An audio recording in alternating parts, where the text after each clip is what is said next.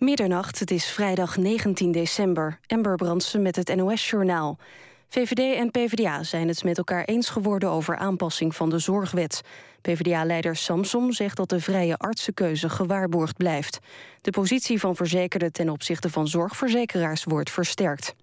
Volgens Samsom is er hard gewerkt om ervoor te zorgen dat het nieuwe voorstel nu wel kan rekenen op de steun van de PvdA in de Eerste Kamer. Wel zegt hij dat daarvoor geen garanties zijn te geven en dat hij dat ook respecteert. VVD-fractievoorzitter Zelstra zegt erg blij te zijn met het akkoord. Volgens hem wordt met dit plan voorkomen dat mensen onnodig extra moeten betalen. De Tweede Kamer debatteert op dit moment over het nieuwe akkoord. De Londense politie gaat onderzoek doen naar mogelijk grootschalig kindermisbruik en mishandeling in de jaren 70 en 80. Politici en andere hoogwaardigheidsbekleders zouden zich daaraan schuldig hebben gemaakt. Aanleiding voor het onderzoek is een verklaring van een slachtoffer. Hij zou zijn mishandeld door politici en ander overheidspersoneel. Ook zouden drie kinderen voor zijn ogen zijn vermoord. De politie heeft geen bewijs en is op zoek naar eventuele slachtoffers en getuigen. Als de beschuldigingen waar zijn, gaat het volgens de Britse krant The Guardian... om een van de grootste schandalen in de moderne Britse geschiedenis. Amerika heeft een nieuwe wet die het mogelijk maakt nieuwe sancties tegen Rusland in te stellen. President Obama heeft de wet ondertekend, maar zegt niet van plan te zijn direct nieuwe maatregelen af te kondigen. Hij benadrukt dat hij de sancties afstemt met zijn bondgenoten in Europa en de rest van de wereld. Ook past hij de sancties aan aan het gedrag van Rusland in Oekraïne. Ajax is in de achtste finales van de strijd om de KNVB-beker uitgeschakeld door Vitesse. De Arnhemmers versloegen Ajax in de arena met 4-0. Excelsior heeft voor het eerst sinds 2003 de kwartfinales bereikt van het bekertoernooi. De Rotterdamse club won met 6-0 van NAC. Het weer vannacht en ook morgenochtend regent het een tijd. Het wordt erg zacht met temperaturen rond 11 graden. Later op de dag breekt de zon door. Dit was het NOS Journaal. NPO Radio 1. VPRO. Nooit meer slapen.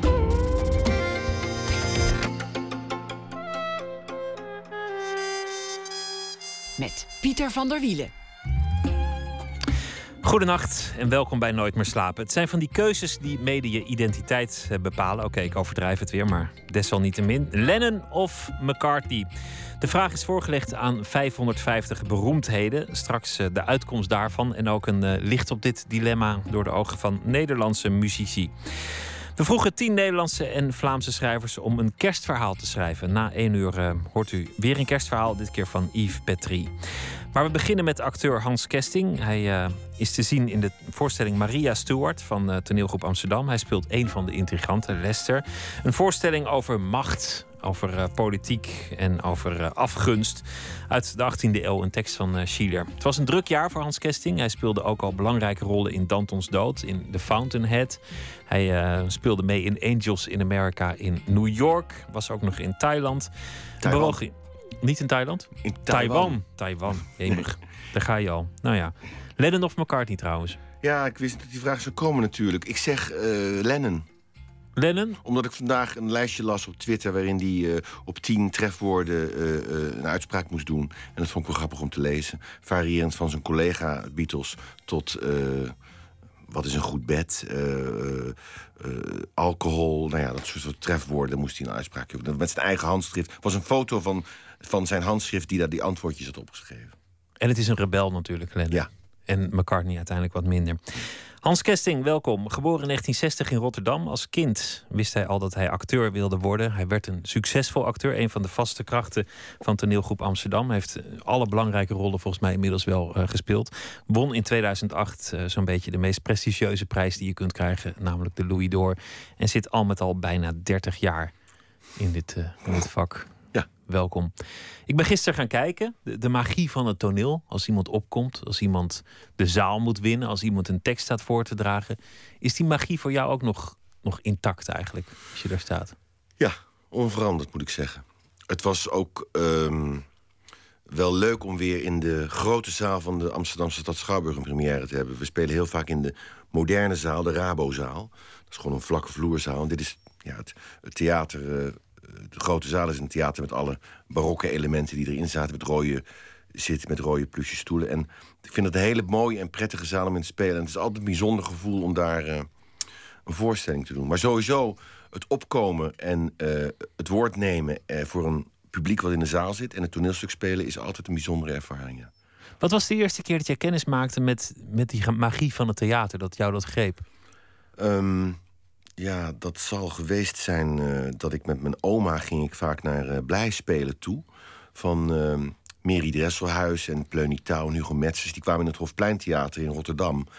En dat vond ik altijd heel erg leuk. En zat ik al op de eerste rij onder het gordijn te kijken... of ik al iemand zag achter het gordijn. En toen werd ik groot, toen zat ik in de middelbare school... en toen uh, bracht ik brood rond voor een horecabakker in Rotterdam. En die leverde ook aan de stad Schouwburg, in aan de Rotterdamse Schouwburg, de oude Rotterdamse Schouwburg. En dan vroeg ik altijd aan de portier of ik even toneel op mocht lopen. En toen dacht ik, jezus, als ik hier nou sta ooit. Dus ik heb altijd een ongelofelijke aantrekkingskracht gevoeld tot... Uh, hoe, oud, hoe, oud, was je toen? Nou, uh, met mijn oma was ik denk ik tien, elf. En dat, die, die, dat, die bakkersknecht en dat toneel opgaan, toen zal ik 16 geweest zijn, denk ik, 17 naar Maastricht gegaan, naar de, naar de uh, toneelschool. Ja. Jouw ouders hebben jou altijd gesteund. Wat eigenlijk bijzonder is. Want, want heel vaak is er een soort weerstand als iemand voor een creatief of een, een wat minder zeker beroep kiest. Dan, dan zeggen ouders: ja, moet je dat nou wel doen? Zeker, zeker in, in, de, in de wat vroegere tijden. Ik denk dat het tegenwoordig misschien wat losser is. Maar volgens mij hebben jouw ouders je altijd wel geholpen. Nou, ze hebben het in ieder geval niet uh, tegengemaakt. Maar ik geloof wel dat mijn vader er een beetje laconiek naar keek... en dacht van, nou ja, we zien het wel. En pas toen hij zag dat ik er echt van genoot... en dat het op die school goed ging en dat ik... Uh, goede beoordelingen kreeg. En, en zag, hij zag dat ik me heel erg aan het ontwikkelen was. Toen werd hij eigenlijk trotser dan hij... En na de hand dan aan het, toen ik professioneel acteur werd... Ja, zat hij altijd in de zaal met mijn moeder... en was de meest trotse vader die je maar kunt voorstellen. Hij hield plakboeken bij. Mijn ouders zijn helaas allebei overleden. Dus, dus, dus hij heeft het niet tegengemaakt. Maar in het begin dacht hij ook van... ja, nou ja, ik zie wel wat het gaat worden. Maar plakboeken bijhouden, dat is toch, dat is toch iets moois als je ja, vader geweldig, dat voor je ja. doet? Ik heb thuis uh, wel tien plakboeken die mijn vader heel secuur heeft bijgehouden. Heel wist je dat? Of kwam je daar pas ja, achter toen nee, dat wist ik, wist ik. En om de zoveel tijd kreeg ik dan in zo'n fotoboek ingeplakt alle recensies. Heel netjes. En foto's. En, uh, en uh, het was wel grappig dat mijn ouders...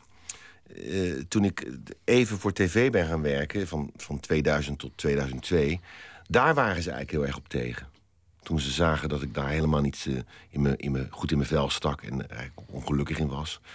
En ze zeiden van, je zit helemaal niet in je kracht. Je moet teruggaan naar wat je goed, waar je goed in bent. En dat, dat, dat was eigenlijk... Uh, ja, dat was eigenlijk wel grappig. Daar hadden ze eigenlijk wel gelijk in ook. Hadden ze ook gelijk in, ja. Maar ik ben wel blij dat ik het gedaan heb. En ik heb er ook heel veel plezier beleefd. Maar, maar, en het heeft me doen realiseren dat ik een, een toneelspeler ben. En, uh, en dat heeft ook een rust gebracht om me daar alleen mee bezig te houden.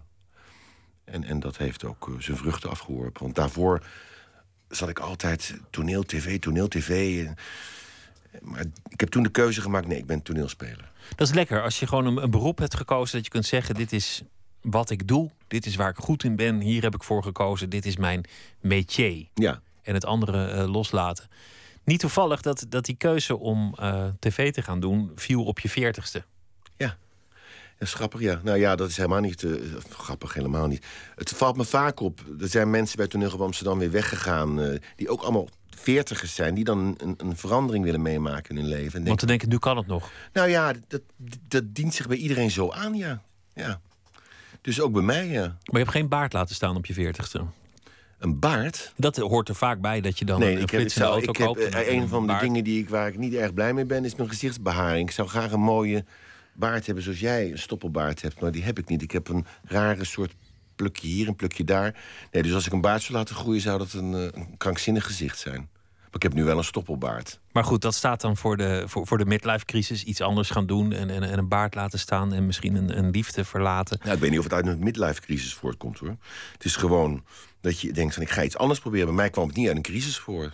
Ik, ik had al, al een tijd lang toneel gespeeld... en ik dacht altijd, ja, ik wil toch... Ik deed het programma Taxi voor de NCV erbij. En, en, en ik dacht, nee, ik wil een keer de keuze, keuze maken... om, om alleen maar televisie te doen. Maar niet omdat ik in een crisis was. Het was gewoon, ik dacht van, ik ga het proberen. Omdat ik de kans ook kreeg van de, van de VARA toen. En toen is het de VARA geworden, ja. En samen met, uh, met Paul de Leeuw. Ja. Uiteindelijk gekozen voor het acteren. En eigenlijk op een zeker ogenblik een steeds hogere vlucht is het gaan nemen, jou, jouw loopbaan. Het ging al goed, maar het leek wel steeds beter te gaan. Althans, wat de recensenten schrijven is, is hij is nog beter dan vorig jaar. En Dan komen de juries en, en de grote prijzen. Heb je dat zelf ook zo ervaren? Uh, ik heb ervaren dat het een bevrijding gaf in mijn leven dat ik voor toneelspelen koos. En dacht, nee, ik ga bij Toneelgroep Amsterdam terug. Ivo van Hoven was daar toen de artistiek leider. Is die gelukkig nog steeds. Die hoorde dat ik vrij was, vroeg me meteen terug. Ja, en toen begon ik bij hem met, met, de, met titelrol in Othello. Dat werd een, een groot succes. En dat, dat plaatste me ook meteen weer op de kaart terug. En dat gaf me ook gelijk weer een gevoel van... zie je, dit kan ik. Ja, en toen ben ik gewoon rustig blijven werken... en, uh, en, uh, en, en me geconcentreerd bezig zijn met dat vak. En, en dat heeft zijn vruchten afgeworpen. Meer dan daarvoor. Omdat ik toen... Ja, ja, toen veel wilder leefde. En tv en, en, en, en theater en veel uitgaan en dit en dat. Ja, ik, ik heb toen gewoon, ja, ben toen veel meer veel geconcentreerder met mijn werk, met mijn talent omgegaan. Een rustiger man geworden? Misschien ook wel een beetje, ja. Misschien ook wel een beetje, ja. Of is dat een wens die je uitspreekt, dat je een rustiger man nou, zou zijn geworden? Uh, nee, ik ben zeker wel rustiger geworden, ja. Ik, oh, absoluut. Ik bedoel, uh, het feit al dat je je ouders verliest. Mijn moeder overleed in 2002, mijn vader in 2005. Ja, dat, dat doet iets met een mens. Dan ben je geen kind meer van. Dus dan, ja, dan, dat, dat, al die dingen maken dat je, dat je gewoon uh, ja, een volwassene mens wordt. Dat is wel een grappige fase, want dan ben je, ben je 54 en dan heb je eigenlijk heel veel grote strijden achter de rug. He, beide ouders dood, je bent, je bent een wees eigenlijk. Je, je hebt al een keer de grote carrièreverandering eh, meegemaakt. Je hebt, je hebt eigenlijk de grote ervaringen in je, in je loopbaan meegemaakt. De grote liefdes al een keer verloren en, en weer een nieuwe liefde gevonden. Ja. Op een zeker ogenblik dan liggen heel veel dingen waar je ooit bang voor was achter je. Ja, dat is waar. Maar er is nog genoeg om angstig voor te zijn, toch hoor, vind ik. Uh, Zoals wat? Nou, gewoon uh, iedere dag maar weer wakker worden en uh, gezond blijven. En, en hopen dat je nog veel zult, goede dingen zult meemaken met mensen die je lief hebt en, en in je werk. Ik bedoel, het leven is, is maar zo. Ja, niks eigenlijk. Je bent zo. mensen zijn eendagsvliegen. Ben je, dat, ben je dat meer gaan realiseren met de jaren? Ja, dat moet ook wel. Gewoon omdat je. Ja, ik, ik heb al vrij jong in mijn leven te maken gehad met, met, met, met, met, met, met, met, met dood van iemand dus ik heb al vrij snel begrepen dat het leven eh, een, een houdbaarheidsdatum heeft. En dat die houdbaarheidsdatum niet de, de, de, de, heel, heel ver weg hoeft te liggen. Dus ik ben me al heel snel bewust geworden van het feit dat het allemaal maar uh, zo afgelopen kan zijn. Ja, als jij vrolijk door de, door de straten van Amsterdam zwiert op je Opelfiets, dan zit de dood gewoon al op je bagagedrager. Overal, ik bedoel, ja, die, ja. Dus, eh, maar goed, ik, ik, sta niet iedere dag op met het gevoel... Margarijn staat naar me te loeren en met zijn zijs klaar... om te kijken wanneer hij met de pakken ziet kan, kan krijgen. Maar, nee, maar een zeker besef van tijdelijkheid is natuurlijk wel, wel ja, gegeven. absoluut. En dat geeft ook een juiste drive, denk ik... om, eh, om, om, om te proberen je de tijd die je hebt... zo, zo goed mogelijk in te vullen. Ik zei dat, dat de, de, grote angsten op een zeker ogenblik wel op je pad zijn geweest. Je bent er ook ooit achter gekomen dat, dat je HIV had. Ja onder de leden. Toen, toen jij daarachter kwam, was dat nog een andere diagnose dan nu? Uh, nou, dat, ja, dat was net. Uh, dat was eigenlijk net. Uh, was dat aan het kenteren, ja. Maar goed, inderdaad. dat was in 1996, geloof ik.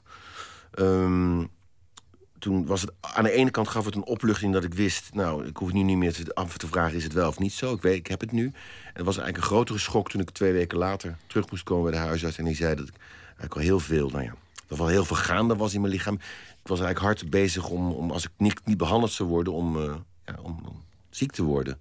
Daar schrok ik heel erg van. Toen, toen, was ik, toen dacht ik, toen was ik wel heel erg uh, geconfronteerd met, jezus, ik kan dus. Ik kan er dus echt aan kapot gaan. En, maar toen had ik dus het grote geluk dat die combinatietherapie op de markt was gekomen. En, dat was de, de tijd, ja, de jaren negentig. Freddie Mercury, Rock Hudson, René Klein die beelden die, die, die stonden iedereen heel helder op het netvlies. Ja. Dus dat moet waarschijnlijk ook even door jouw hoofd zijn geschoten. Ja, natuurlijk. Ik bedoel, ik, ik was, en ik vroeg, was vroeger een enorme hypochonder. Dus ik bedoel, voor mij was iets als. Toen ik, ik, ik heb mijn seksuele uh, ontwikkeling uh, eigenlijk altijd geleefd met de wetenschap dat er iets ronds waarde waar je, wat je door seks kon krijgen. Wat natuurlijk een hele vrede speling van het lot is. Wat de lot er ook wel een beetje van afhaalt, bijna. Ja, maar ja, dat heeft me toch niet weerhouden om er toch ook wel weer lol in te zoeken. Maar goed. Uh, ja, dat is ook menselijk maar, maar goed, ik ben altijd, ja, ik, ik, ik, ik had me heel vaak laten testen en ja, toch is het een keer fout gegaan. Um, maar, dus, dus, dus het, de wetenschap dat ik het had, dat was dat, dat, dat, hoef ik me daar niet meer over zorgen te maken, want het was er dus. Ik wist tegen wat de tegenstander was, wie de tegenstander was. En ja, en toen waren die pillen er en die hebben vanaf het eerste ogenblik eigenlijk uh, meteen gedaan wat ze, wat ze tot de dag van vandaag nog steeds doen. En die medicijnen hebben zich in zo'n razend tempo ontwikkeld. Dat ik heb toen nog, toen ik begon, slikte ik iets van 16 pillen. Op twee, op twee slikmomenten per dag. En nu uh, is het nog één pil. En is, is het, hoe, hoe is nu de status? Want je, sta je nog onder behandeling bij een arts? Moet ja, je nog dat is voor, een, voor, een, voor, Uh, een, voor, een, een, ex-hypochonder is het eigenlijk wel fijn om, om, om de zoveel tijd naar je internist te gaan. Om eigenlijk te horen dat je want die ligt je bent. als een soort APK door en zegt van... goh, je ziet er goed Ja. uit, joh. Gaat lekker. Ja. Ik ben natuurlijk ook nooit ziek geweest. Hè. Ik heb me ook nooit, nooit ziek gevoeld. Ik heb van die medicijnen ook nooit last gehad. Het was alleen de domme mededeling van mijn huisarts. Die zei van ja, je hebt een hoge viral load en dit en dat dus. Dus je moet echt ogenblikkelijk naar, de, naar een internist. En toen, die huisarts was niet erg daadkrachtig. Dus die maakte een afspraak voor over drie weken. En ik moest net een grote rol gaan spelen bij zo'n in Amsterdam. In Schouwburg. En, ja, en toen heeft een goede vriendin van mij, mijn beste vriendin, Lineke Rijsman... die heeft toen nog dezelfde avond, toen ze dat voor elkaar gekregen heeft, weet ik niet, via mijn huisarts geregeld dat ik de volgende dag bij die internist kon komen. Nou ja, en toen is het gewoon eh, heel snel allemaal in kaart gebracht. En eh, Heeft het je bevrijd, eigenlijk? ja, bevrijd. Want het klinkt bijna alsof het een, alsof het een soort zegening was... en of het heel nee, het was positief geen was. zegening. Ik bedoel, ik zou was niemand aanraden om ellende, positief maar te worden. En Als je terugkijkt, want je, want je, je zegt ik was een hypochonder. En, en even spookt door, door mijn hoofd van eh, ver- verdomme, ik word, ik word een soort René Klein of dat is mijn, mijn voorland. Ja, zo, ja.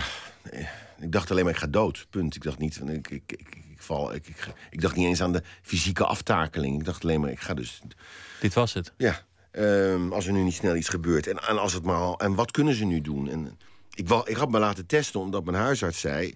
Ja, er is nu iets wat ze kunnen doen. Dus als er een vuurtje aan het eh, smeulen is... is het maar beter om de brandweer, dat waren ze letterlijke woorden, te roepen... en dat te, te laten blussen. Maar toen was ik wel benieuwd wat dat bluswater dan zou zijn. om Maar in die metafoor te blijven. Maar dat waren dus die pillen. Nee, het heeft me niet bevrijd. Ik, ik, ik zou nog steeds willen dat ik niet seropositief was. Al is het alleen maar omdat ik het een vreselijk moment heb gevonden... om het mijn ouders te moeten vertellen. Ja, dat lijkt me ook inderdaad ontzettend Ja, en vreselijk. ik het altijd nog, ja, hoewel ik weet hoe het gekomen is, niet, niet slim vind van mezelf dat het gebeurd is. Maar ik bedoel, ik kan het mezelf ook niet kwalijk nemen, snap je? je, je- dat had iedereen leeft kunnen gebeuren. Laat, laat niemand moraliseren, want Nee. volgens mij werkt dat gewoon zo. Ja, precies, maar, maar dus, het, heeft me, het heeft me niet bevrijd, maar het is gewoon iets wat ik, eh, wat ik heel snel, om het zo vreselijk te zeggen, een plek heb weten te geven in mijn leven. En waar ik eigenlijk, behalve dat ik ochtends die pil neem, helemaal niet meer mee bezig ben. En die drie, om de drie maanden die internist zie. En, Maar toch, denken dat je, dat je leven zeer snel eindig zal zijn en dan eh, ehm, ineens in een situatie komen dat je weliswaar onder controle staat bij een arts en een pilletje neemt, maakt toch een soort tweede leven. En ik, ik kan me voorstellen dat je dat enorm veranderd heeft.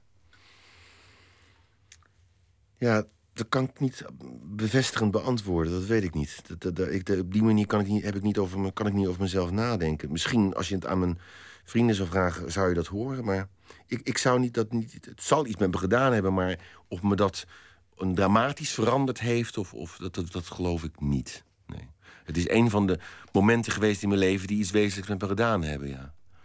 Eh, maar Welke kant op? Ja, het is misschien ook, misschien ook een vraag die je eigenlijk niet aan iemand moet stellen. Je, je zei Ja. net, ik ben, ben rustiger geworden. Dat zijn gewoon de jaren natuurlijk. Dat is gewoon het verschil tussen 26 en, en 54. Of zijn er, zijn er nog momenten van uitspatting in je leven? Jawel, jawel. Ik, ik- ik- maar niet, niet minder vaak, ja. Ik bedoel... Maar Ben jij iemand die zich helemaal kan laten gaan? Die zich volledig kan verliezen in, in een moment? ja, maar dat was vroeger veel heftiger dan nu. Natuurlijk vroeger... Maar nu, nu, nu ik, ik heb wel nog wel dat ik, dat ik, dat ik, eh, dat ik eh, eh, een feestje kan vieren, ja. Maar, maar, dat, eh, ook, dat, maar daar, betaal ik, daar betaal ik ook weer een prijs voor. Gewoon door brak te zijn. En Drie dagen lang. Maar ook, ook feestje vieren, ergens naartoe gaan, niet weten hoe je thuis komt. Of, Nee, of dat, is, nee, nee, nee dat, dat is van, van vroeger, nee. nee dat, Maar- dat- ik weet altijd nog wel hoe ik thuis kom, ja. Nee, ik Nee. vraag het om, omdat ik, als ik jou zie spelen, dan, dan kun je, en dat is volgens mij een talent, volledig opgaan in, in die rol. Met al je energie, met, met, met, met heel je lijf, met, met heel je stem, met met werkelijk geen enkele reserve. Op, op, op geen enkel vlak. Niet eens negen cijfers achter de komma. Enige reserve. Volgens mij is dat daarmee ook je talent. Maar ik vroeg me af of dat in je privéleven ook is. Dat je je volledig kunt laten gaan. Nou ja, ik moet wel. Ik, ja, ik moet wel. Ik, dat heb ik dus ook wel gedaan in het verleden. Maar nu ik ouder ben, weet ik daar ook een rem op te zetten. Ik bedoel, het is wel een kans van me dat ik me daar. Als ik, als ik mezelf laat. Ik kan me mezelf makkelijk laten gaan. Maar ik weet ook dat ik, dat ik hoe ik mezelf dat, dat moet, niet, moet laten toestaan, niet moet toestaan. Je houdt jezelf een beetje in toon. In toon, ja. ja. ja. Verstandiger geworden, zou je kunnen zeggen. Ja, nou ja, goed, ja. ja. Ook minder, ik bedoel... Misschien vond ik het vroeger ook wel leuker dan, dan nu, snap je? Ik bedoel... De lol gaat er ook wel vanaf. Nou ja, goed. Het is, ik, heb, ik, ik, heb, ik ik zeggen, ik, heb, ik, ben zoveel, ik heb zoveel, ben zoveel uitgeweest, ik heb zoveel gefeest. Ik heb echt wel eh, een, een portie gehad. En het- nog wel af en toe, maar, maar niet meer. eh, ik, ik, ik, besluit ook heel vaak, eh 9 van de 10 keer om thuis te blijven. En eh, twee weken te kijken, een boek te lezen of muziek te luisteren of mensen uit te nodigen. Of zo. We gaan luisteren naar ehm, muziek. Uit eh, West London komt Alexia Coley. En ehm, zij maakt klassieke soulmuziek. Ze heeft haar debuutalbum af. Keep the Faith is daarvan eh, de titel. Het nummer dat ze draaien heet Without You.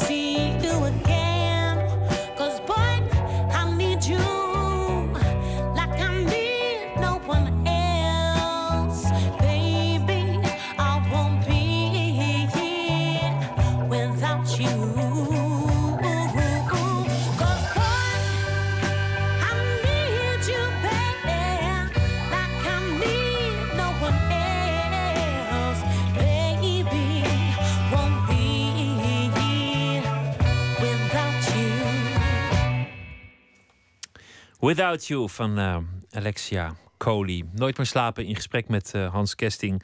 Als er nieuws is uit eh, Den Haag, dan worden wij onmiddellijk bijgepraat door de plaatselijk aanwezige verslaggevers. Maar er wordt op dit moment druk vergaderd. En nou ja, u hoort het wel als er iets te vertellen is. Hans Kesting, afgelopen jaar was volgens mij een druk jaar. Ik kan het niet zo goed inschatten hoe dat zit voor een acteur. Maar Maria Stewart, momenteel te zien in, in de Schouwburg in Amsterdam. Dantons dood, over de, de Franse revolutie. De, de strijd tussen Robespierre en Danton. Van Ja. welke kant moet je kiezen? The Fountainhead, Ja. over eh, de, de wereld van de architecten. En eh, nou ja, dat, mm, vrij, vrij grote stukken, grotere, grote rollen. Intussen nog die, die reis naar eh, Taiwan.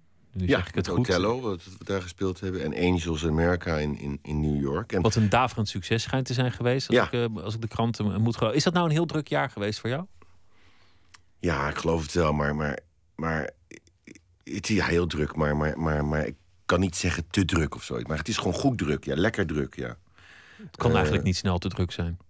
Nou ja, kijk, ik, ik hou er niet van als acteurs zeggen ik moet zo hard werken of ik heb het zo zwaar misschien. Want dan denk ik van altijd van jongens, ja, je, je moet, natuurlijk moet je ook, ook hard werken en je moet een prestatie leveren. Maar ik bedoel, ik hoef niet om zeven uur 's ochtends eh, op de sne- snelweg te rijden naar mijn werk. eh, zoals heel veel mensen om half negen op een kantoor te zitten. Snap je? Ik, heb, ik, ik, ik, heb, ik, doe wat ik altijd het liefste wilde doen. Dus ik, ik vind het al een enorm voorrecht om daarin eh, te kunnen functioneren. Dus, maar goed, het is wel druk. Maar, maar het zijn wel hele bijzondere dingen die je meemaakt. Angels in, in New York eh, spelen was echt een, zo'n ongelooflijke succesvolle trip. En het geeft dan zoveel energie. En sowieso spelen we met Toneel op Amsterdam eh, veel in het buitenland. En dat is nog, ja, iedere keer weer zo spannend. En ook zo vreugdevol om te zien dat wat we maken... dus aanslaat ook bij vreemde volkeren... die de tekst op de boventitel meelezen. Want dat was nu in New York ook het geval. Of hebben jullie toen in het Engels gespeeld? Nee, we spelen altijd in het Nederlands. Ja. En, en dan eh boventitels. Ja, dat is- Zeer lovende recensie in de New York Times. Vind ik toch altijd iets, Ja. eh, iets chics hebben. Ik, Ja. ik, ik lees hem Ik 's ochtends altijd even met een kopje koffie. En dan zie je toch ineens, eh, nou ja, toneelgroep Amsterdam maakt furoren in, in New York. Ja. Mooi moment natuurlijk. Nee, dat was ook wel iets waar we allemaal apen trots op waren. Ja, dat, eh, ben Brantley heet die criticus van de New York Times. En dat is een, ja, die man ziet zoveel en schrijft voor een van de belangrijkste kranten ter wereld. En schrijft ook lijvige artikelen. Kan ook goed schrijven, eh, goed verwoorden waarom hij het wel of niet mooi vindt. Nou, gelukkig vond hij van onze nou ja, Angels de, misschien wel de meest indrukwekkende Angels die hij ooit gezien heeft. En het is het Amerikaanse stuk van, eh, van, eh, van de vorige eeuw. Het is de, de nieuwe moderne, moderne klassieker in Amerika. Dus heb, je, dat- heb je nog die bevestiging nodig? Want je zei net, dit is wat ik kan. Hier heb ik voor gekozen. Dit is gewoon mijn, mijn métier. Dit gaat mij goed af. Maar je zei net ook, van, ja, dat moment dat je opgaat... en dan een tekst moet gaan reproduceren voor een zaal... dat, dat blijft altijd een spannend moment. Ja, je hebt wel. Ja, goed, je wilt natuurlijk wel dat wat je doet gezien wordt. En eh, alleen als het niet gezien wordt of niet goed bevonden wordt, dan heb je daar in ieder geval zelf nu al een veel. Ik, ik, snap je? Ik hoop, ik hoop dat, er, dat als er iets over geschreven wordt, dat dat goed is. En, maar als het niet goed is en ik vind zelf dat het klopt wat ik sta te doen en dat de voorstelling klopt, en dan, ja, dan ben ik er niet meer zo ziek van als vroeger, snap je? Dat er, eh, maar het, het, wonderlijke is, als je in die New York Times eh, stond mijn naam dan ook in, de art- in, die, in, die, in, die, eh, in het artikel, dan ben je eigenlijk wel heel kinderlijk blij dat je dan, eh godverdorie, de staak zegt Jezus in de New York Times. Dus dat is dan wel weer, ja, Ja, vooral omdat de, de recensenten van de New York Times... die zijn ehm, belangrijk, maar vooral ook... ze zijn in zekere zin niet corrumpeerbaar. Want die, die zullen de grootste grootheid nog volledig afserveren als het zo dat, uitkomt. Dat, dat, dat doen Nederlandse recensenten natuurlijk ook, denk ik. hè. Dat, dat, maar dat is geen verschil. Maar goed, je hebt bevestiging nodig. Alleen het is minder belangrijk dan, dan, dan vroeger. Maar ik zou liegen als ik niet graag hoor dat iemand tegen me zegt... Goh, ik vond het goed wat je deed. Maar hoe, hoe ver gaat dat? Je, je komt van het eh, podium af. Dan vraag je je misschien een halve seconde af: was het goed? Je, je hebt vanavond gespeeld. Je kwam hier binnen met een plakbandje in je nek Ja, nog van je, van je microfoon. microfoon. Ehm, kijk je meteen naar je collega's van: was het goed? Loop je naar, naar de regisseur als die ergens rondloopt? Nee, je weet zelf altijd... eh, eigenlijk, na iedere scène die je speelt... Weet je, heb je een idee over hoe het gegaan is. Als je al aan het spelen bent, heb je een idee over hoe het gaat. Dan voel je al eh, dat het... Ja. En dus, dat is dus en na afloop check je nog van... God, moet, ik- morgen aan denken? Eh, maar het is niet zo dat we als acteurs elkaar meteen gaan lastigvallen. Met, als er een groot probleem was, of er is iets heel erg misgegaan... of technisch misgegaan... Vanavond eh, was er een probleem met... eh, met de beamer die, die beelden moet... moet dus er waren, waren geen beelden te zien. Maar goed, dat is dan een technisch probleem... waar, waar wij voor de rest van ons spelen gelukkig geen last van hebben. Publiek ziet iets niet wat, we, wat andere mensen wel gezien hebben... qua projecties. Maar ehm, Nou ja, stel je had die baan gekozen ehm, ehm, dat je zeven uur 's ochtends op moest in je auto en, en naar een, een kantoor. Daar heb je natuurlijk ook een soort goedkeuring. Hè? Dan is het gewoon een functioneringsgesprek van je baas. Maar voor een acteur is het anders, want je hebt elke avond die zaal, je hebt die recensenten, je hebt eh, misschien ook de competitie en, en de politiek achter de schermen eh, met andere spelers. Wie krijgt de mooie rollen? Wie, Wie wordt er naar voren geduwd? Een, een heel leven dat in het teken staat van bevestiging en afwijzing. Nou ja, die rollen, kijk, we spelen, krijgen allemaal eh goede rollen wel te spelen. Weet je nog, we zijn een ensemble, dus de ene keer speel je Hamlet... en de andere keer speel je eh, een, kleinere rol. Dus dat komt wel goed. Dat is eh, niet iets waar, waar nee. Ehm, ja, dus ik, ik ja... Ik, ik, ik kan er niet iets zinnigs over zeggen over die bevestiging. Ja, die is belangrijk, maar niet meer zo belangrijk. Ben je onzeker? Nee, die onzekerheid is meer, zit meer in de repetitiefase. Als je aan het uitzoeken bent eh, met je regisseur en je collega's hoe, hoe het te gaan spelen. Dan kan ik wel veel denken. En ik denk altijd van, nou, kan het zo, kan het zo, kan het zo. En da- daarin heb ik wel sturing nodig. En dan check ik altijd wel bij Ivo, in dit geval... van, want klopt dit, trekt dit ergens op wat ik nu doe? eh. dus daar, daar ben ik wel een beetje afhankelijk van, ja. Eh, maar als het er eenmaal staat...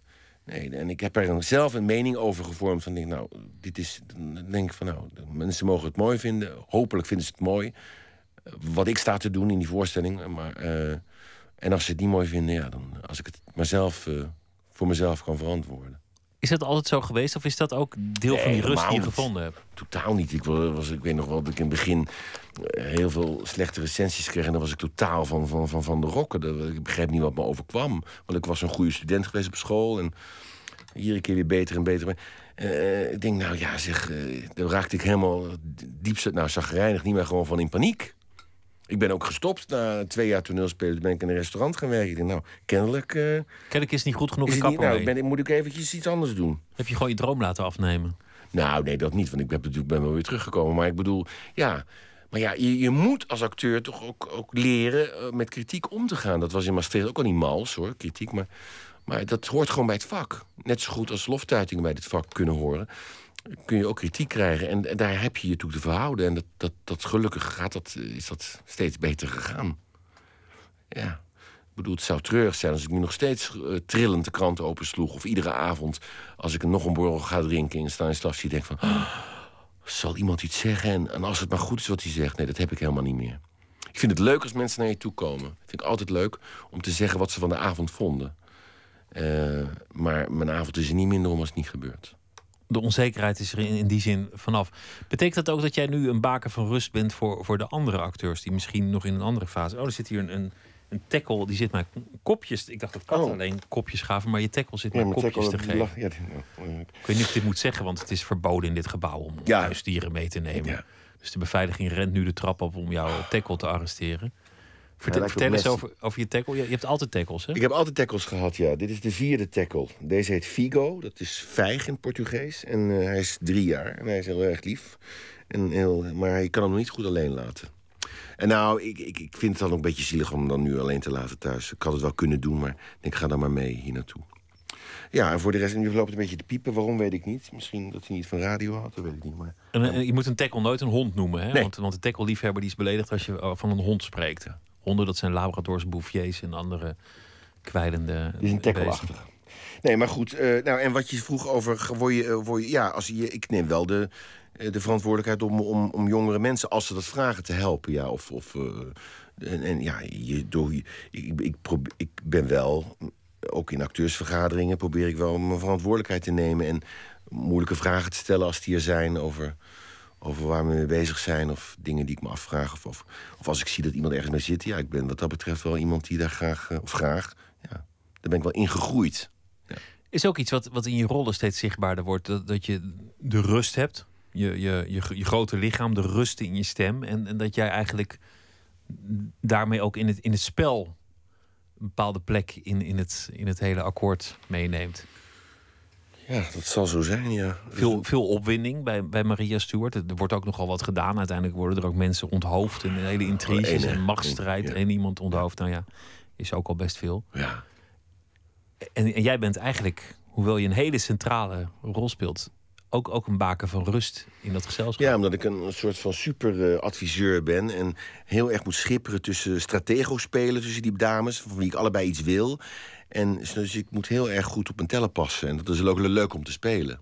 Eh, het is iemand die op, eigenlijk een enorme eerzucht heeft... en graag na- naast de koningin op de troon wil zitten... en ooit met Maria Stuart zou gaan trouwen... maar toen toch vond dat haar kroon voor hem te klein was. Hij wou de koningin van Engeland. Nou, dat heeft hij tien jaar lang geprobeerd. Ze is niet voor hem gevallen. Dan kiest ze voor de, de, de, Duc, de Duc d'Anjou, de koning van Frankrijk. En dan besluit hij om zijn pijlen weer te richten op Maria Stuart. En nou ja, uiteindelijk mislukt dat allemaal. En uh, wordt zij mede op zijn aanraden... Uh, het, bevel tot, tot, executie ook ondertekend door, uh, door Elisabeth. En die hem vervolgens opdraagt om zelfstandig... om die executie ook uit te voeren, daarbij aanwezig te zijn. Dus dat is. Maar het is een hele, hele bijzondere rol om, om tussen die twee dames te laveren de hele tijd. Eigenlijk alle, alle voorstellingen die, die je deed afgelopen jaar gingen op de een of andere manier over, over macht, intrige en, en politiek. Of, of nou over die Danton en, en Robespierre ging, of over de Fountainhead met, met alle intriges van een, van een architectenkantoor. Het gaat ja. steeds over dat soort thema's. Uh, dat gepiep is iemand die met de webcam zit te spelen. Oh, oké. Okay. Um, ja, maar ja, goed, dat is toneel natuurlijk. Dat gaat, dat gaat over, kan over macht gaan en over, uh, over jaloezie. Het gaat in ieder geval altijd over, over zaken die weerstand oproepen tussen mensen. Zijn dat ook je favoriete rollen? Uh, nou, ik, ik, kan me eigenlijk op een behoudens een enkele rol, geen saaie rol herinneren. Uh, die bestaan natuurlijk niet. Nou ja, die bestaan wel natuurlijk. Er zijn ook slechte toneelstukken, maar, maar gelukkig uh, spelen wij die bij Toneel op Amsterdam. Kan ik me niet herinneren zo snel dat ik een stuk gedaan waarvan ik dacht. Nee, het kan wel zijn dat de regisseur over wat je gaat doen niet zo'n helder idee heeft. Dat, dat, dat, maar dat, dat, is, dat heb ik gelukkig ook al lang niet meer meegemaakt. Uh, maar het repertoire wat, waar, je, waar je in speelt is toch vaak altijd wel zo goed dat daar gewoon. Ja, daar kun je een grotere verantwoordelijkheid hebben in een van kleinere. En dan is een grotere verantwoordelijkheid natuurlijk leuk. Ik ga later in het jaar Richard III spelen. En ja, dat is natuurlijk wel heel erg leuk om dan. Uh... maar er zitten ook rollen in die kleiner zijn. Die heb ik ook gespeeld vroeger bij Toneel op Amsterdam in Richard III. En... Dus het is leuk als je, als je daarvoor als je, als je van dat soort rollen houdt, om dan ook meteen uh, om dat te kunnen proberen en te kijken ja, hoe, hoe je dat. Uh, hoe je dat gaat uh, klaarspelen. Maar het is een verworvenheid als je als, je als persoon rustiger wordt, ook op het podium, omdat je dan met een zekere rust die dingen kunt spelen en een hele nieuwe laag ontdekt. Al de neiging om te gaan schreeuwen, om, om veel te bewegen, om, om, om veel te acteren feitelijk, volgens mij heel natuurlijk is. Uh, ja, maar goed, deze rol ben ik dan toevallig uh, ogenschijnlijk heel rustig. Maar in Danton was ik eigenlijk, had ik, had ik stil, Figo, had ik... Um, had ik toch wel emotionele momenten. En, die moet je toch ook vanuit, proberen vanuit rust zo waarachtig mogelijk te spelen. Om, om, maar zo, dus het klinkt heel erg tegenstrijdig, maar het is wel zo. Je moet je, moet je maar niet met een blinddoek voor in een van de vage emotie storten. Je moet zo goed mogelijk proberen de kluit te bedriegen. Dat is de essentie van acteren. Nou ja, heel kort door de bocht. Hè. Ik bedoel. Ja. Nou, ik vond het wel mooi, ja. eigenlijk. We gaan luisteren naar uh, Khalees met uh, Biscuits en Gravy. Kunnen we intussen ook uh, de tackle even uitlaten? Ja, laten we eventjes misschien naar de andere kant. Plans change like the weather to preparing a sweater. Either way, you'll be cold if it snows. Everybody wonders where to get the answers. Silly thought to think the answer knows where to go. The push upstream used to seem like a really good idea. But survey says better leave well enough alone.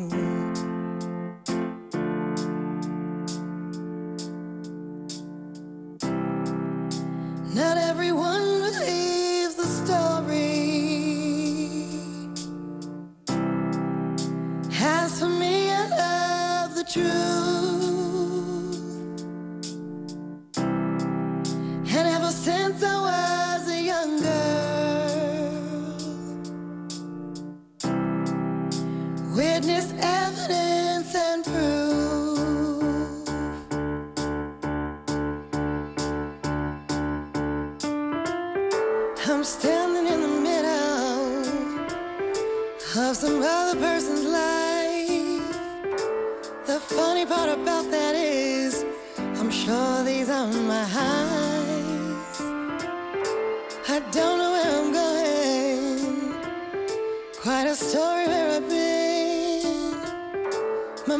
seems all wrong, and my compass says the end. If it's already written, then my script can be forgiven. Doesn't matter where I thought I'd be, time to relish what I made.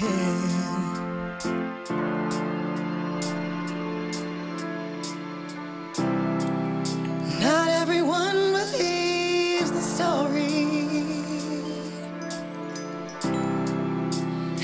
Me, the truth.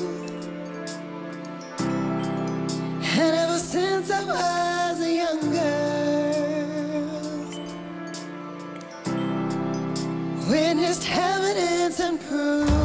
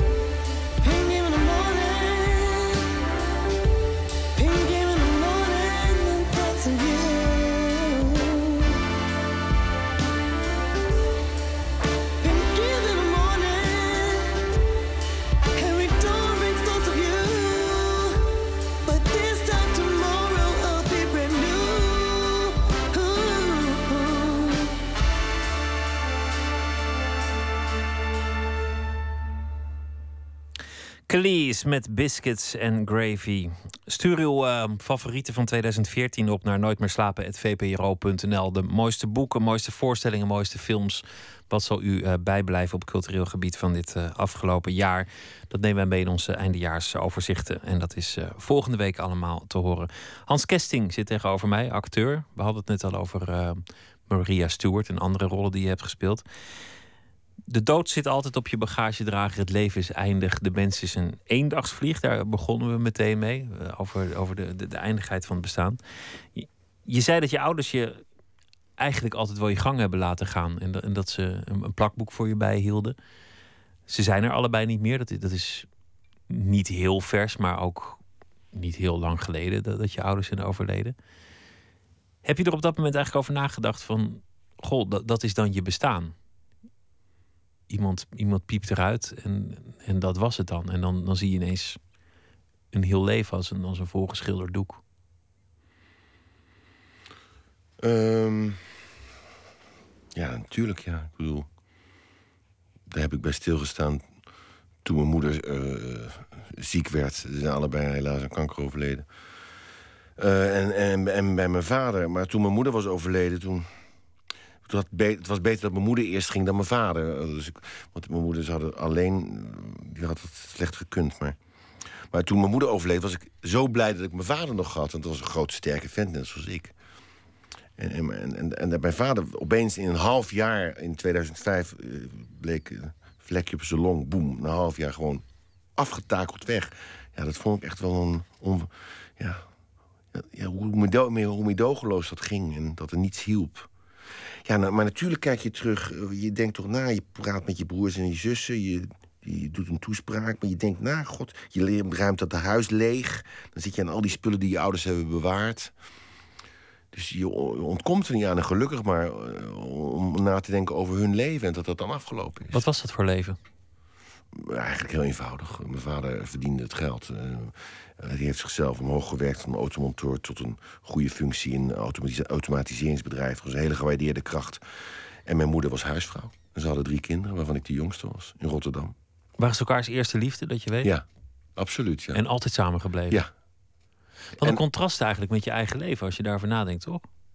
Uh, ja, ja.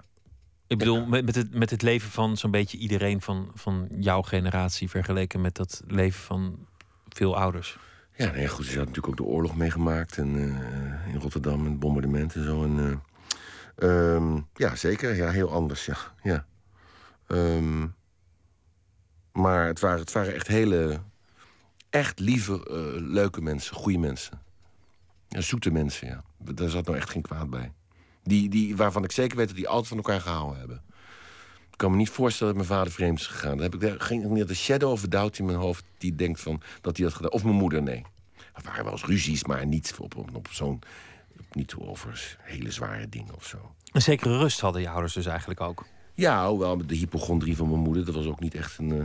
Die heb jij dan wel weer geërfd. Maar goed, ja, dat was, dat was gewoon een heel goed koppel. Heel goed stel, ja. Die ik iedereen zou toewensen. Als je, als je daar zelf over nadenkt, want, want er komt een liefde, er gaat een liefde. Ik heb helemaal geen idee hoe, hoe je nu uh, bent in de liefde. Is, is dat een angst dat je op, op een zeker ogenblik alleen zou zijn? Dat was het wel lang in mijn leven. En daar heb ik ook te lang achter, achteraan gerend. Want ik dacht, uh, moet, moet, kan Als ik maar niet alleen ben. Ja. ja.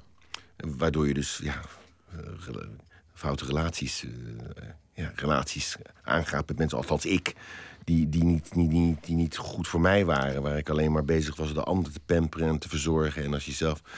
Maar goed, ik ben nu uh, sinds acht jaar met een man uh, die, die uit Brazilië komt.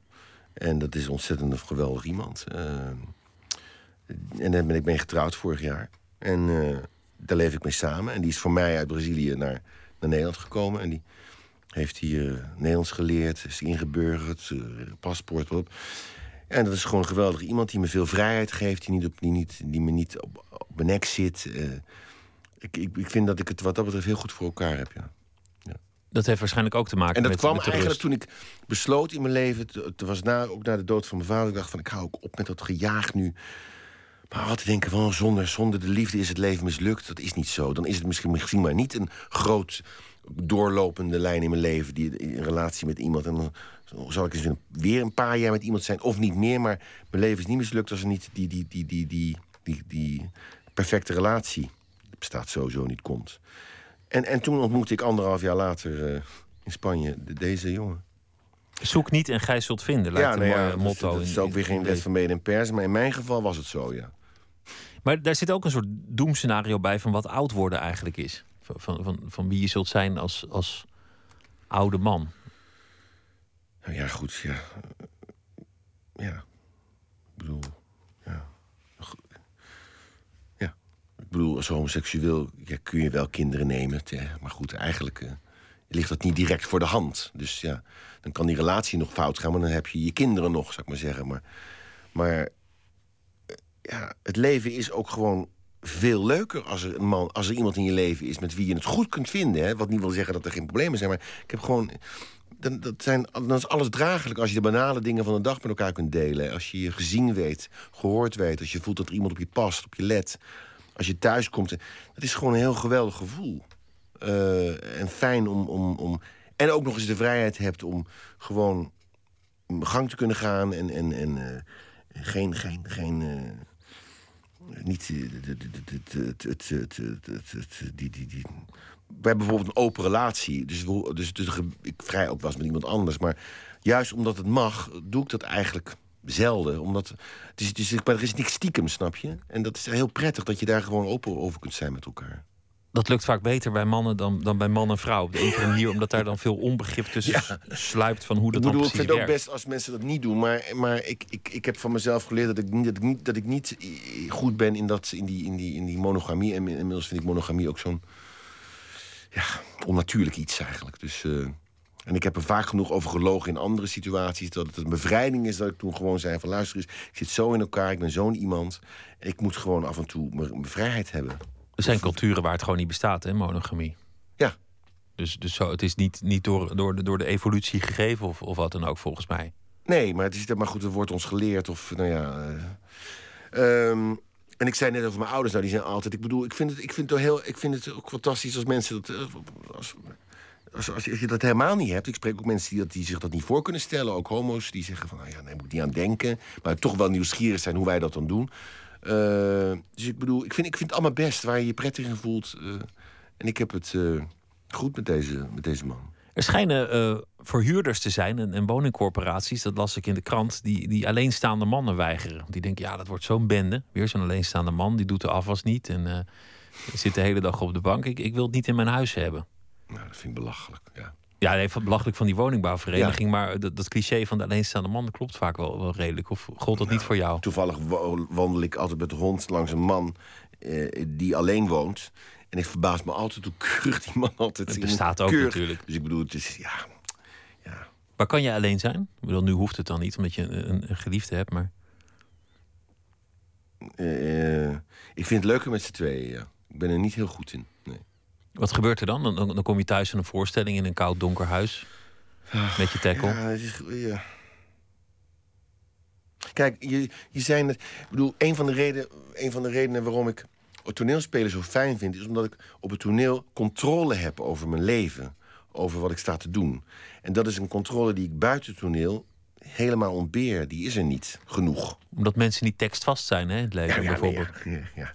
Snap je? Dus dat is gewoon. eh, dus ik, ik, ik, vind, ik vind het best lastig om, eh, om, om, om.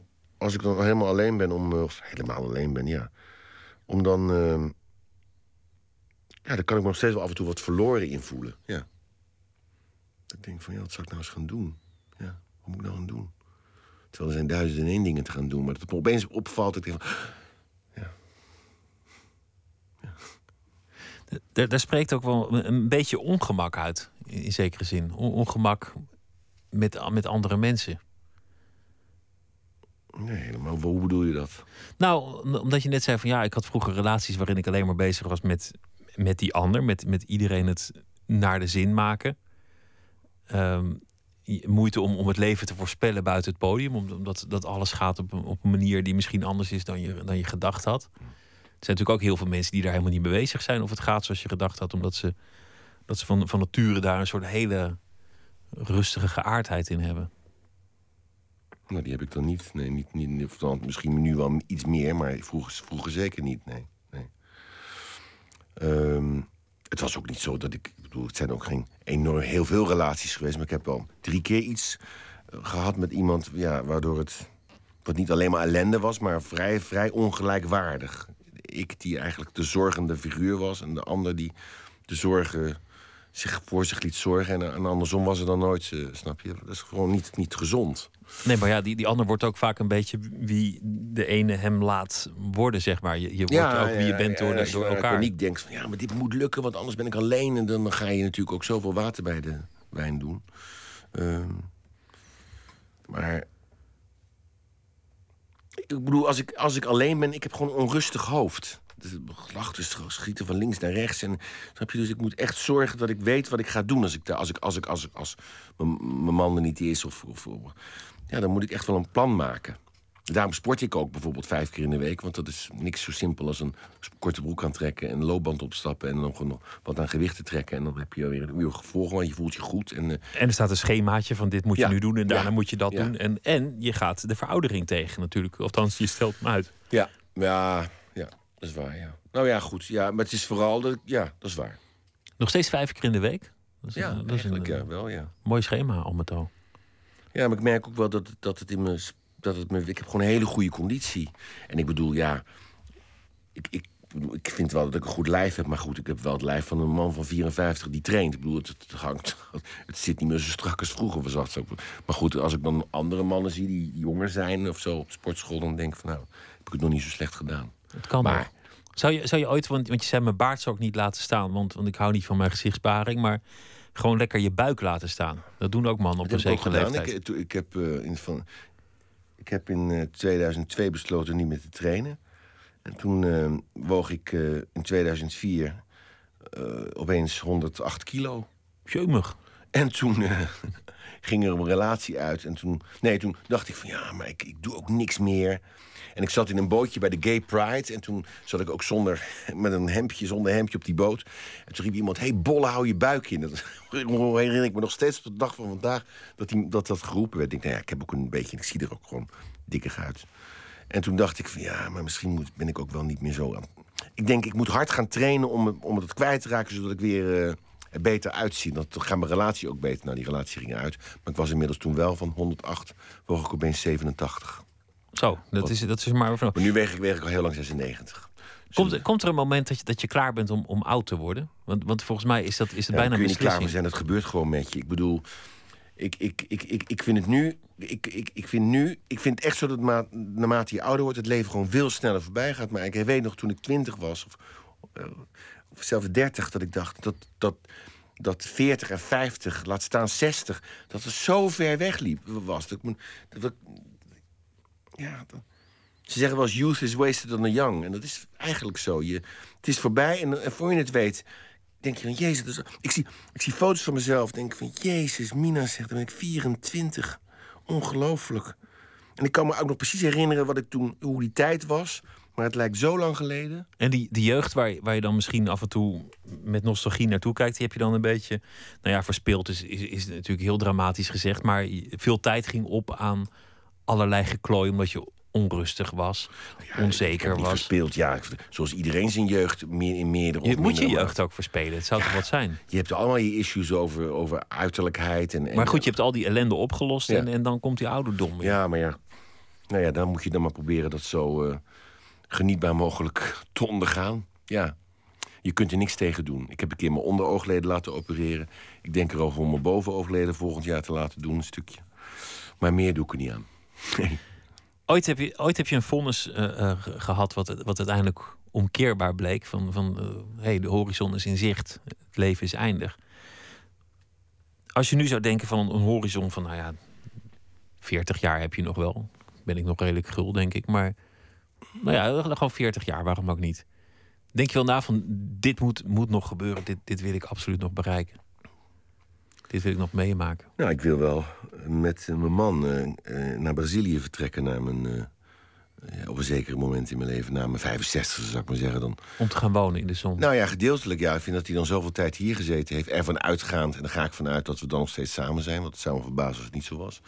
Maar ik denk, dan heeft hij zoveel zich, moeite zich getroost om voor mij hier te zijn. En, en, en, en het lijkt me ook leuk, om, fijn om dan om, om, om ouder te worden met de zon. die, nou ja, niet altijd schijnt daar, maar het is een ander klimaat gewoon. Is ook beter voor je botten en voor je gewrichten als het wat warmer is. Dat Ja. wordt ook wel eens aangeraden door de geriater.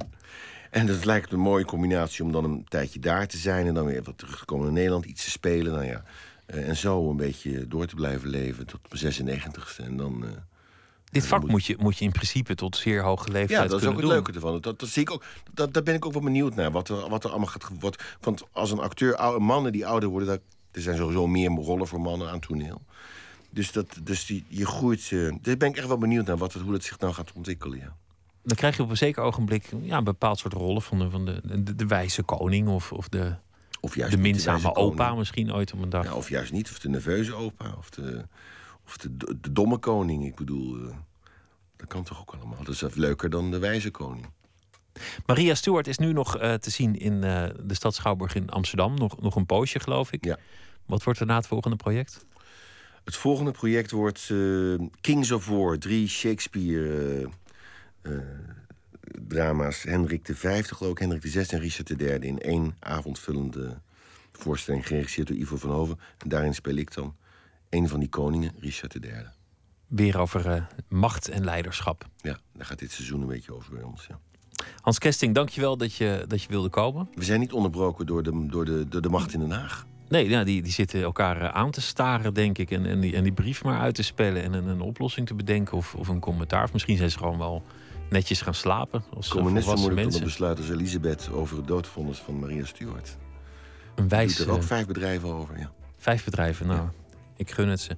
Dankjewel, Hans Kesting. Zometeen eh, gaan we verder met onder andere een kerstverhaal van eh, Yves Petrie... dat hij speciaal voor ons eh, geschreven heeft. En we gaan ons buigen over die belangrijke vraag. Lennon of McCartney. Dat allemaal zometeen. Twitter, @vpro_nms of via de mail nooit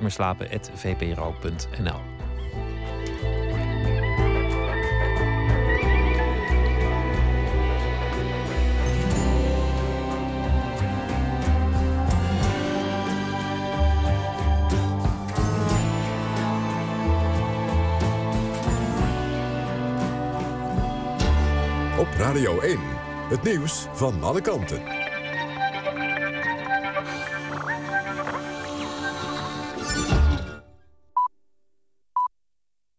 1 uur, Ember Brandsen met het NOS-journaal. VVD en PvdA zijn het met elkaar eens geworden over aanpassing van de zorgwet. In de Tweede Kamer wordt het nieuwe plan nu besproken. Volgens premier Rutte doet de aangepaste wet recht aan alle betrokken partijen. Verzekeraars moeten cliënten met een goedkope Natura-polis... duidelijk informeren over wat de polis inhoudt. Doen ze dat niet, dan kunnen cliënten alsnog vergoedingen krijgen... voor behandelingen die eigenlijk niet gedekt zouden worden. Ook kan iedereen een second opinion aanvragen... en specifieke zorg in academische ziekenhuizen blijft toegankelijk. De bevriende oppositiepartijen D66, ChristenUnie en SGP... hebben gezegd dit plan niet te steunen. De Londense politie gaat onderzoek doen naar mogelijk grootschalig kindermisbruik en mishandeling in de jaren 70 en 80. Politici en andere hoogwaardigheidsbekleders zouden zich daaraan schuldig hebben gemaakt. Aanleiding voor het onderzoek is een verklaring van een slachtoffer. Als de beschuldigingen waar zijn, gaat het volgens de Britse krant The Guardian om een van de grootste schandalen in de moderne Britse geschiedenis. Amerika heeft een nieuwe wet die het mogelijk maakt nieuwe sancties tegen Rusland in te stellen. President Obama zegt niet van plan te zijn direct maatregelen af te kondigen. Tijdens de Europese top in Brussel is afgelopen avond ook gesproken over de relatie van de Europese Unie met Rusland. EU-president Tusk zei na afloop dat de EU hard en verantwoord moet omgaan met Rusland en dienstpresident Poetin. Banken mogen van de autoriteit Consument en Markt onderling bepalen in welk dorp ze geldautomaten plaatsen. Dat moet leiden tot een betere spreiding van automaten op het platteland. De ACM gaat akkoord met een proef in Zeeuws-Vlaanderen van vijf jaar, waarin banken afspreken waar een automaat van welke bank komt. Het weer vannacht en ook morgenochtend regent het een tijd. Het is erg zacht met temperaturen rond 11 graden. Later op de dag breekt de zon door. Dit was het NOS Journaal. NPO Radio 1. VPRO. Nooit meer slapen.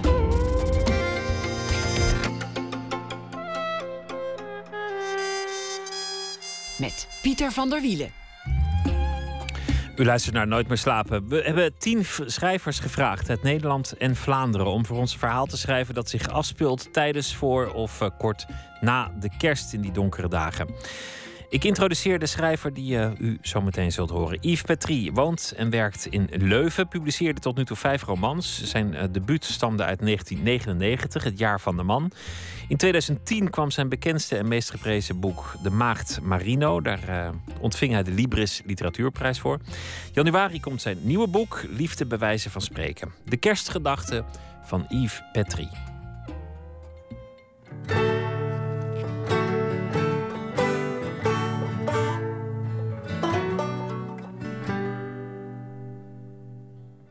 Stil protest. Laatst liep ik in een winkelstraat van onze hoofdstad een verre vriend tegen het lijf, bezig met zijn eindejaar aankopen. We liepen samen een eindje op en ik gaf zoveel af op de lelijkheid van de stad en op de leeghoofdige drukte om ons heen dat ons weerzien een nogal zure toon kreeg, mede als gevolg van zijn stilzwijgen. Het gesprek zou interessanter zijn geworden als hij mijn uitlating had tegengesproken of gerelativeerd of beantwoord met enige ironie. Maar hij was zelfs te terughoudend of wellicht te onverschillig om me te vragen wat ik hier dan eigenlijk kwam zoeken. Op een gegeven moment zei ik dat ik een andere kant uit moest. Opgelucht dat we afscheid konden nemen, werden we allebei plots gegrepen door een vluchtig gevoel van wederzijdse warmte. We wensten elkaar van harte het beste toe voor het nieuwe jaar. Toen stond er ineens een donkere man voor ons. Klein van stuk, onverzorgd van uiterlijk. Hij duwde ons een petitie onder de neus en probeerde in gebrekkig Frans uit te leggen waar die over ging. Het had te maken met oorlog en vervolging en dakloosheid en kou en honger. Ik ben er vrij zeker van dat mijn vriend niet precies doorhad welk verzoek hij onderschreef toen hij de petitie tekende. En zijn gezicht werd heel even uitdrukkingsloos toen hem na zijn symbolische gebaar gevraagd werd om een milde gift. Ik zelf tekende niet, zelfs niet toen de man bleef aandringen en zei dat het kerstmis was voor iedereen. Ik gaf geen verklaring voor mijn weigering, knikte nog eens naar mijn vriend en vertrok. Ik zal geen al te beste indruk bij hem hebben nagelaten. Ik begrijp ook weer waarom hij altijd maar een verre vriend is gebleven. Natuurlijk kan ik mij moeiteloos verplaatsen in de situatie van die vluchteling. Een beetje helderheid van geest volstaat om te beseffen dat ik hem had kunnen zijn en wat dat inhoudt. Omgekeerd heeft hij geen idee van wat het is om mij te zijn. Daar zou ik in zijn plaats ook geen last van hebben. Ik neem het hem niet kwalijk. Maar dat ik met mijn zogenaamde vriend, met wie ik zoveel meer gemeen heb, evenmin kan praten over mijn intellectuele ontheemding. Over mijn gevoel net zo goed een vreemdeling op de dool te zijn. Zelfs al heb ik een dak boven mijn hoofd en de juiste papieren op zak, maakt dat ik zijn goedaardigheid niet kan uitstaan. Mijn noden zijn hem niet elementair genoeg. Mijn frustraties te hersenschimmig. Ze stellen in zijn ogen nauwelijks wat voor, vergeleken met de reële, want materiële ellende van zoveel anderen. Dat een bedelaar als vanzelf kan rekenen op zijn goede wil en ik zogezegd niets te klagen heb, was de reden waarom ik die petitie niet wilde ondertekenen. Kerstmis voor iedereen. Een dakloze mag zich zonder meer gelukkig prijzen dat het weer uitzonderlijk zacht is voor de tijd van het jaar.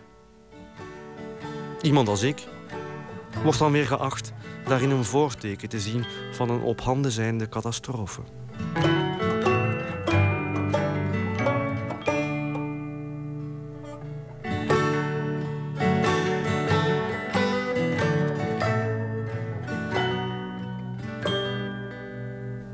Ja, waar komt mijn inspiratie vandaan? Uh, was me gevraagd om, om een kerstverhaal te schrijven. Een verhaal dat in elk geval aansluit bij de donkere stemming van de kerstperiode. Een periode waarin we toch geacht worden iets meer solidariteit dan gebruikelijk op te brengen voor mensen die het minder goed hebben dan we zelf. En dat is wel heel vanzelfsprekend, maar kan toch soms ook een zekere vrevel opwekken, zelfs bij uh, hoger opgeleide witte mannen. En waar die vrevel dan vandaan komt, ja, daar probeerde ik in dit verhaaltje iets over te zeggen.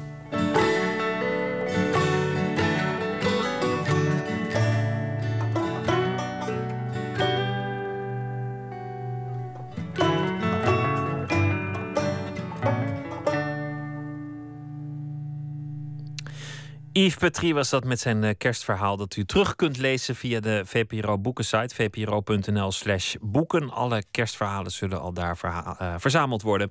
Morgen Alma Matthijssen met uh, haar verhaal over de donkere dagen. IB is de naam van een uh, duo bestaand uit de Frans-Cubaanse zusjes Naomi en Lisa Kainde Diaz. Het nummer dat we gaan uh, laten horen gaat over hun gezin. Duidelijk wordt uh, onder meer hoe mama wordt verlaten door de vader. Mama Says heet het. The man is gone And mama says She can't live without him. The man is gone, and Mama says there is no life without him. She has no one to stop her tears a man who heals and calms down her fears. She needs to wake up in her man's arms and to be loved just like a child.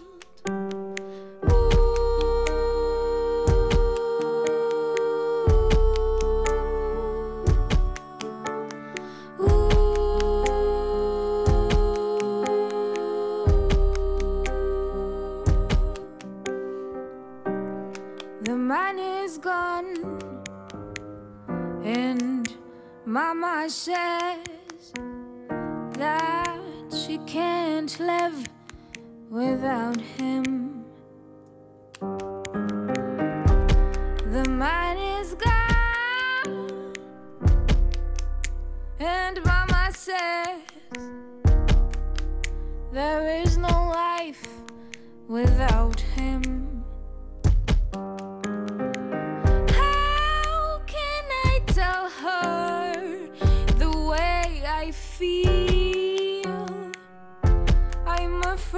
She'd be hurt and sink.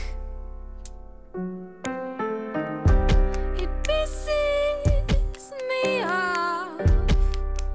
It drives me mad that she lets herself feel so bad.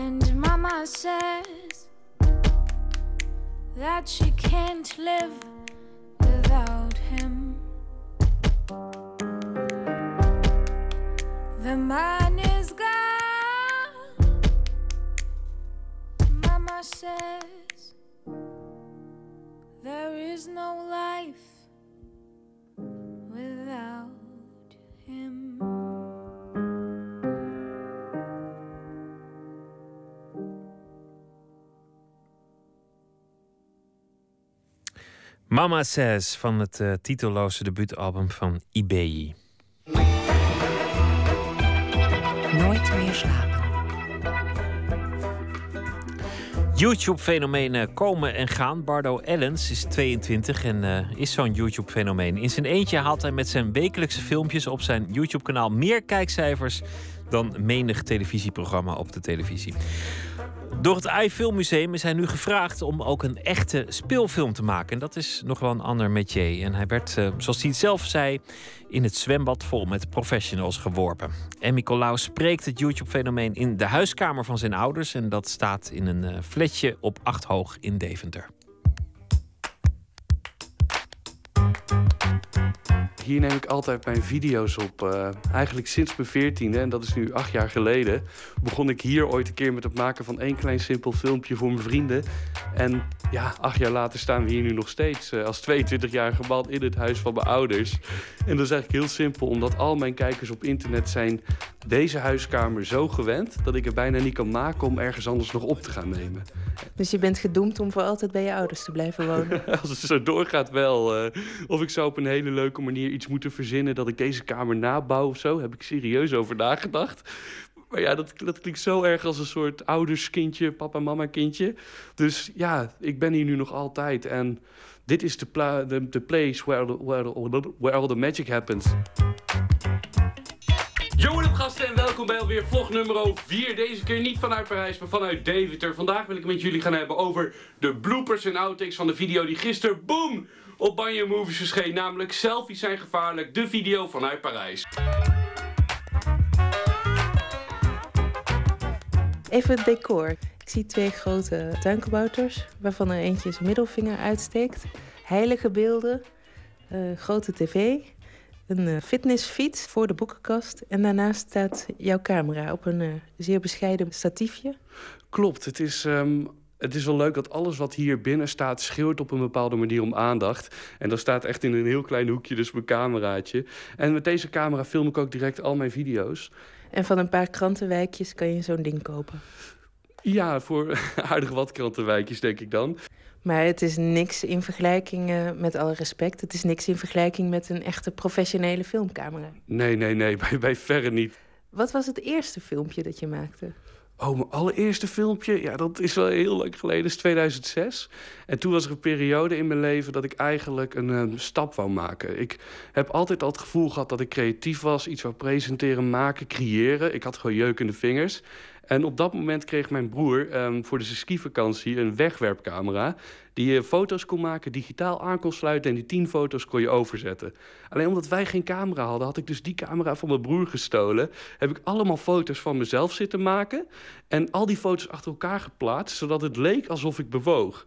En ehm, ja, dat was mijn allereerste video die ik maakte voor mijn middelbare schoolvrienden.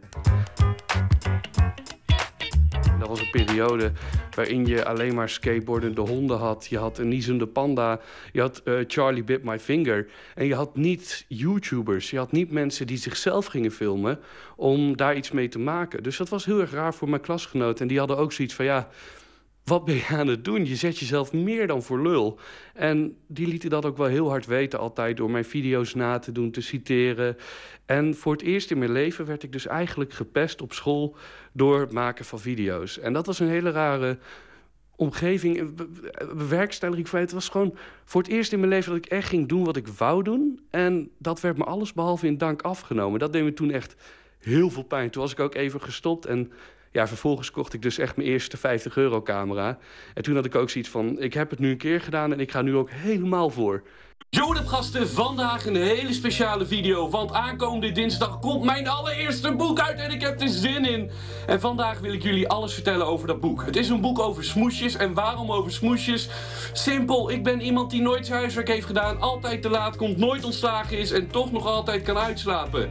Waarom? Simpel, door smoesjes. In 2009, oftewel vijf jaar geleden, verscheen de allereerste verse 50 op YouTube. En wat is een verse 50? Nou, dat is een video waarin ik 50 smoesjes heel snel en heel raar achter elkaar vertel. Mijn YouTube kanaal Banjo Movies explodeerde werkelijk waar dankzij deze smoesjes. En we praten hier over een tijdperk dat je YouTube video's moest beoordelen met 5 sterren. Ja, dat is heel lang geleden. Het is zo vet om te zien dat er nu ook duizenden kinderen, mensen zijn die ook zichzelf filmen. Net zoals ik vroeger al deed. En onzekerheid, dat is iets wat niet in je vocabulaire voorkomt? Uh, jawel, het komt natuurlijk wel in mijn vocabulaire voor. Alleen ik weet altijd met onzekerheid, dat is het grappige. Het is altijd iets wat je kan overwinnen. Het is ook, dat is zo moeilijk. Ik weet bijvoorbeeld, ik heb overgewicht. Ehm, ik heb eigenlijk de afgelopen vijf jaar nooit gezwommen. Ik durfde gewoon niet naar buiten. Want ik ben nu op YouTube redelijk bekend. Ik heb nu een kwart miljoen mensen die mij volgen. En ik ben als de dood dat als ik mijn shirt uitdoe in een zwembad... dat er dan foto komt op internet en dan zeggen ze... hey, heb je dit gezien? Dit is die gozer van... Uh, dat wil ik gewoon echt niet. En toen dacht ik ook op een gegeven moment van ja, fuck. Ik ben daar onzeker over, moet dat wel? Ik bedoel, als ik gewoon één keer mijn shirt uitdoe... en ik spring het water in, dan ben je er vanaf. Ben je zo opgevoed? Uh, eigenlijk wel, ja. Mijn ouders, zoals je er straks ook zei, staat er een kabouter met een middelvinger. Mijn ouders zijn heel open over alles. Die willen ook uh, drank, drugs, seks, alles moet open zijn. Je moet er luchtig over kunnen zijn. En in het leven gaat het er ook om dat je jezelf ontwikkelt. Dat hebben hun heel erg meegegeven. Dus de, ik dacht, die kabouter die zal wel van jou zijn, maar die is gewoon van je ouders. die is van mijn moeder, ja. Oh, hier staat nog een hele grote tv. Um, ja, klopt. Dit is het uh, andere gedeelte van de huiskamer. En um, ja, dit is dan een, zeg maar een B-locatie voor mij nog om te filmen. Met ook een hele grote tv. De B-locatie, waarom is dit de B-locatie? Uh, eigenlijk is het zo met het licht wat binnen komt vallen. Die komt van daar binnen over de bank, zeg maar. De, onze bank staat tegen het raam aan. Waardoor ik eigenlijk niet kan filmen op de bank. Want dan krijg ik tegenlicht.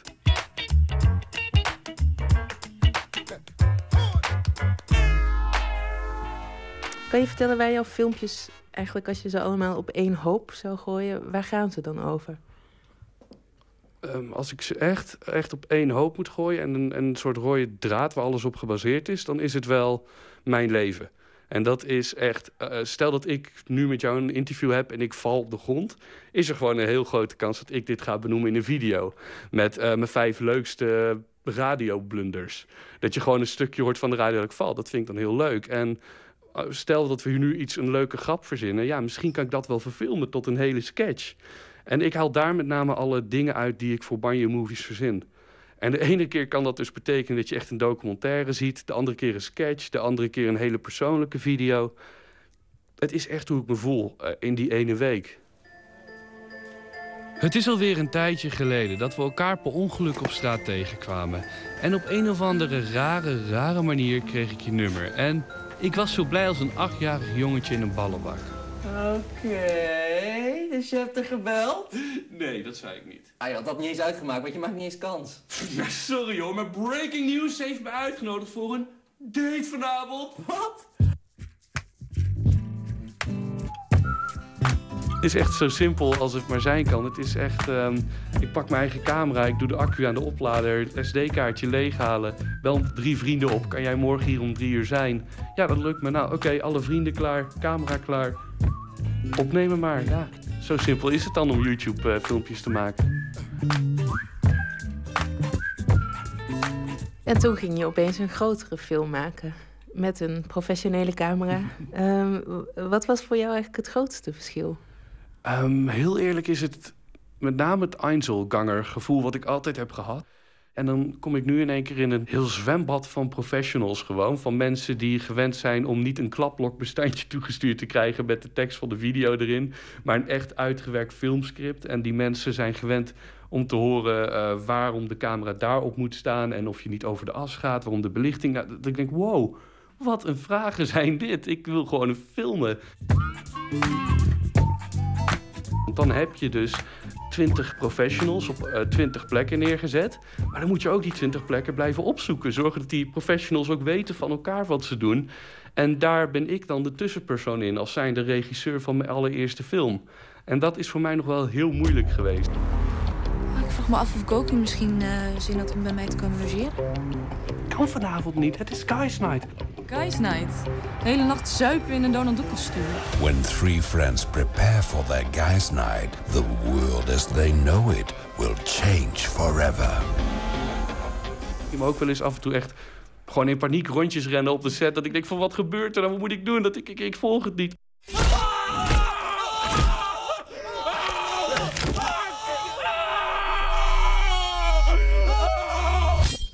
Zou je nog naar de filmacademie of zo willen? Daar heb ik heel lang over nagedacht. En ik heb zelfs uh, auditie gedaan bij uh, toneelscholen, filmacademie en nog een schrijfschool. Dat was schrijfschool, dat was een schrijfopleiding. En alle drie hebben me afgewezen. Met eigenlijk het advies van je moet kijken in een andere sector. Want vinden ze dan jouw producten eigenlijk te commercieel of zo? Um, ja, dat heb ik wel te horen gekregen. Dat het eigenlijk iets te speels was, iets te, iets te veel in your face. En uh, dat viel me ook op bij bijvoorbeeld het maken van een film. En toen snapte ik ook wel veel beter wat hun bedoelen bij, uh, de, bij die opleidingen. Het is bijvoorbeeld heel belangrijk dat je ook dingen kan vertellen zonder alleen maar handgebaren, hele grote dingen te roepen, te gillen, maar juist ook heel klein te blijven en met de mimiek spreken. En dat is heel moeilijk. Um, waar, daar ben ik heel erg achter gekomen ook in de film, dat dat echt tien keer moeilijker is dan ik ooit had gedacht. Maar daarom lijkt het mij ook juist zo leuk om expres niet naar zo'n opleiding te gaan. Want daarmee kan je wel gewoon iets heel nieuws ontwikkelen. Iets wat niemand ooit heeft gezien. Bijvoorbeeld een van de bekendste dingen die gebeuren op YouTube... is tijdens het eh, presenteren van een video... alle stille momenten eruit te knippen. Nou, dat is echt uh, voor tv not done. Op tv mag je niet knippen in je presentatie. Die presentatie... Dus, dus het wordt één grote woordenvloed, zonder pauze? Eigenlijk wel. Het is echt alleen maar woorden, woorden, woorden. Heel supersnel allemaal in één richting, in een tunnel op je af. En dat je ook als kijker zit van, wow, dit gaat heel snel. Maar ja, dat vind ik juist leuk. En dat is zo jammer aan die opleidingen. Dat hun staan alleen maar de mensen toe die al dingen doen die gebruikelijk zijn voor zo'n opleiding. Als je iets doet wat ze op de opleiding doen en dat doe je gewoon goed, ben je binnen. Alleen als je iets doet wat de opleiding niet kent en dat doe je goed, ben je niet binnen. Terwijl ik denk juist bij mezelf, juist die mensen die wat nieuws doen, die wat innoverends proberen, die moet je juist binnenhalen. Want die gaan juist ervoor zorgen dat er nieuwe content komt op een nieuwe manier, dat je de wereld gaat bekijken op een andere manier. En ja, dat is heel jammer dat die mensen juist niet toegelaten worden bij al die opleidingen. Guys Night premieres the 24th of December. Get your tickets now at ifilm.nl slash bardo.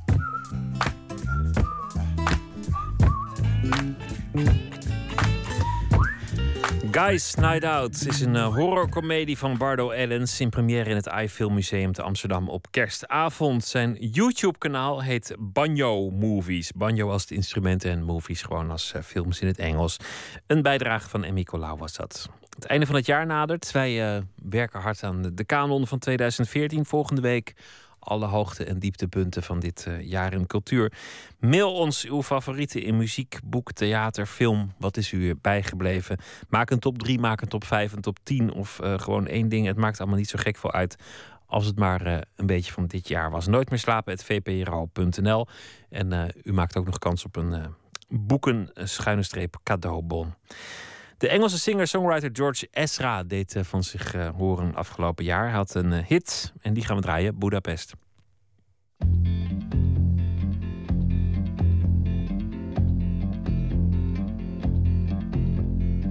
My house in Budapest, my, my hidden treasure chest.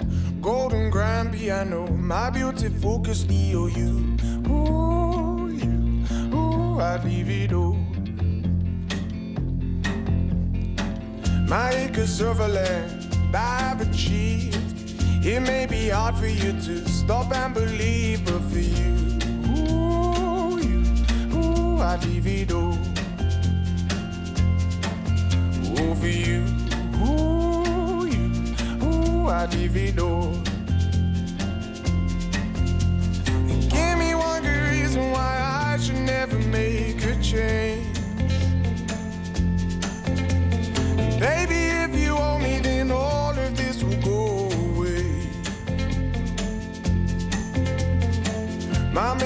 31st. The list goes on.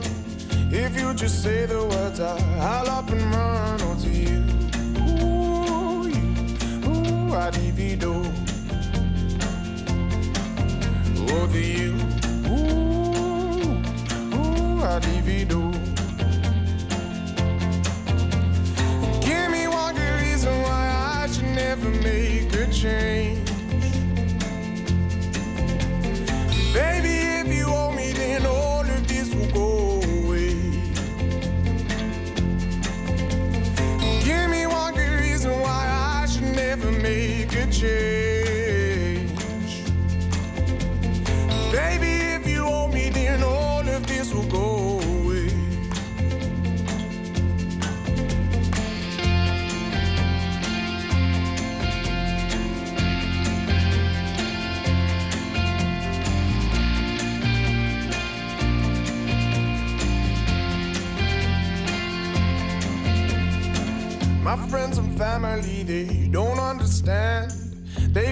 Lose so much if you take my hand, but for you, ooh, you, ooh, I'd lose it all.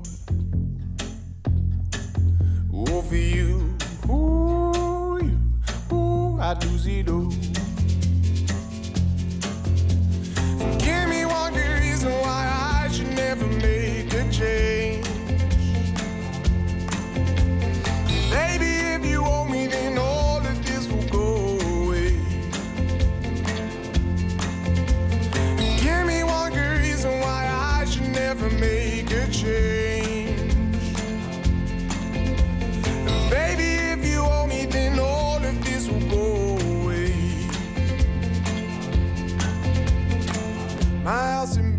Budapest, my, my hidden treasure chest. Golden grand piano, my beauty focus steal you. Ooh, you, ooh, I'd leave it all. Ooh, for you, ooh, you, ooh, I'd leave it all. George Ezra over de stad waar hij uh, tijdens het schrijven van het nummer in ieder geval uh, niet was. En volgens mij verder ook nooit geweest.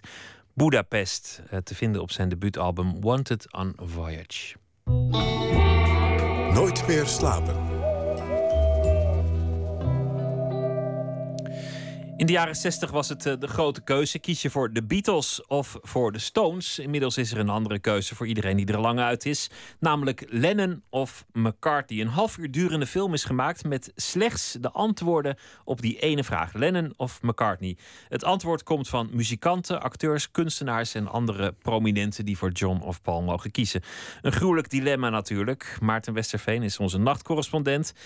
Vertel eerst nog even waar, waar ineens de gedachte vandaan komt om, om zo'n film te maken. Uh, Het is heel ingenieus. Ehm, het is gewoon eh, een paar filmmakers die hebben gewoon eindeloos hoeveelheden celebrity interviews doorgeplozen. Want in, zeker in Amerika dan moeten dat soort interviews ook gevuld worden met allerlei leukigheden. En dan komt op een gegeven moment de vraag, eh, nou ja, waar hou je van eh, nou ja, zwart of wit, pindakaas of jam. En natuurlijk ook Lennon of McCartney. En in in materiaal van tien jaar interviews hebben ze doorgeplozen alleen maar op de antwoorden van die ene vraag, Lennon of McCartney. Het is op een gegeven moment ingeweest in interviews om mensen een keuze voor te leggen of een, een aantal dilemma's. Ben je ook lekker Eh, snel klaar? Ja, er is, er is nog steeds wekelijks wel een redacteur die zegt: eh hey, zullen we het interview beginnen met, een- met een paar keuzes? Dat is leuk. En dan, eh, dan moet je gewoon hard gapen, dan ben je er weer vanaf. Lennon of McCartney dus. Jij bent ehm, op pad gegaan in Nederland om te kijken wat, wat de Nederlandse muzici vinden van dit eh, dilemma. Ja, eh, bijvoorbeeld eh, Anne Soldaat van Daryl N. Die is op dit moment met zijn afscheidstournee bezig van de band. En eh, nou ja, ik vroeg hem als eerste van, nou ja, wie van de twee moet het worden? Nou, ja, oké, ik- het verlossende woord is Lennon dan in mijn geval. Maar eh, ik, ik onderscheid erbij wel een beetje de, de personen, Lennon en McCartney, en, en wat zij muzikaal hebben voortgebracht eigenlijk. Want eh, bij McCartney, als, en hoewel je ook de persoon en wat ze hebben voortgebracht, kun je bijna niet scheiden trouwens. McCartney, weet je, die leeft natuurlijk nog is, is nog altijd een soort charmante performer met een eeuwige jeugd. En hij is nog steeds eh, muzikaal actief. En ik moet zeggen, Lennon na al die jaren dat hij nu dood is, hij lijkt wel met, met terugwerkende kracht in, in gewoon het beeld is toch een soort brutale, irritante schreeuw. Die, eh, die, eh, die het voortdurend had over liefde, die de liefde predikte. Maar die tegelijk eigenlijk zijn vrouw sloeg. En die, die, eh, hij keurde materiële hebzucht af. En tegelijk leefde hij als een, als een soort rockmiljonair in New York. Dus volgens mij, het beeld is, is qua Lennon een beetje in het negatief omgeslagen. En, en, en dus qua persoon zeg ik nou, liever iemand die, die, die, eh, die een beetje fouten en zwakheden heeft... dan iemand die saai is. Dat is eigenlijk waarom ik toch op Lennon inzet. Anne Soldaat, dit, dit is heel interessant wat hij schetst. Want dit zijn eigenlijk de twee mogelijkheden die je eh, hebt als babyboomer om oud te worden. Namelijk weggezet worden als oud links, hypocriet en eh, doe eens wat je predikt.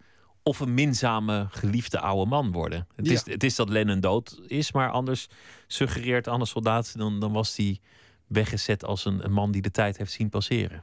Ja, nou ja, en, en eh, hoe, eh, hoe verder de tijd vordert, hoe meer bekend is er natuurlijk ook over Lennon. Hè? Dat hij de IRA bijvoorbeeld heeft gesteund, inderdaad, het, het, het huiselijk geweld. Dat is ook later natuurlijk echt pas naar boven gekomen. Ehm, ik heb, ik heb ook Leo Blokhuis, eh, een Nederlandse pop-encyclopedie, gebeld. ehm, wat hij van die vraag maakte. Hij is een liefhebber, dus ik was benieuwd naar zijn antwoord. op pu- pure muzikaliteit, dan ga ik voor McCartney. Ik denk dat hij muzikaal het beste onderlegd was en ik denk ook de beste melodieën schreef. En hij wordt altijd een beetje als de softie gezien, maar hij was toch ook eh, degene die Helter Skelter maakte bijvoorbeeld. Dus ook de, de, de hardste dingen voor eh, de Beatles deed.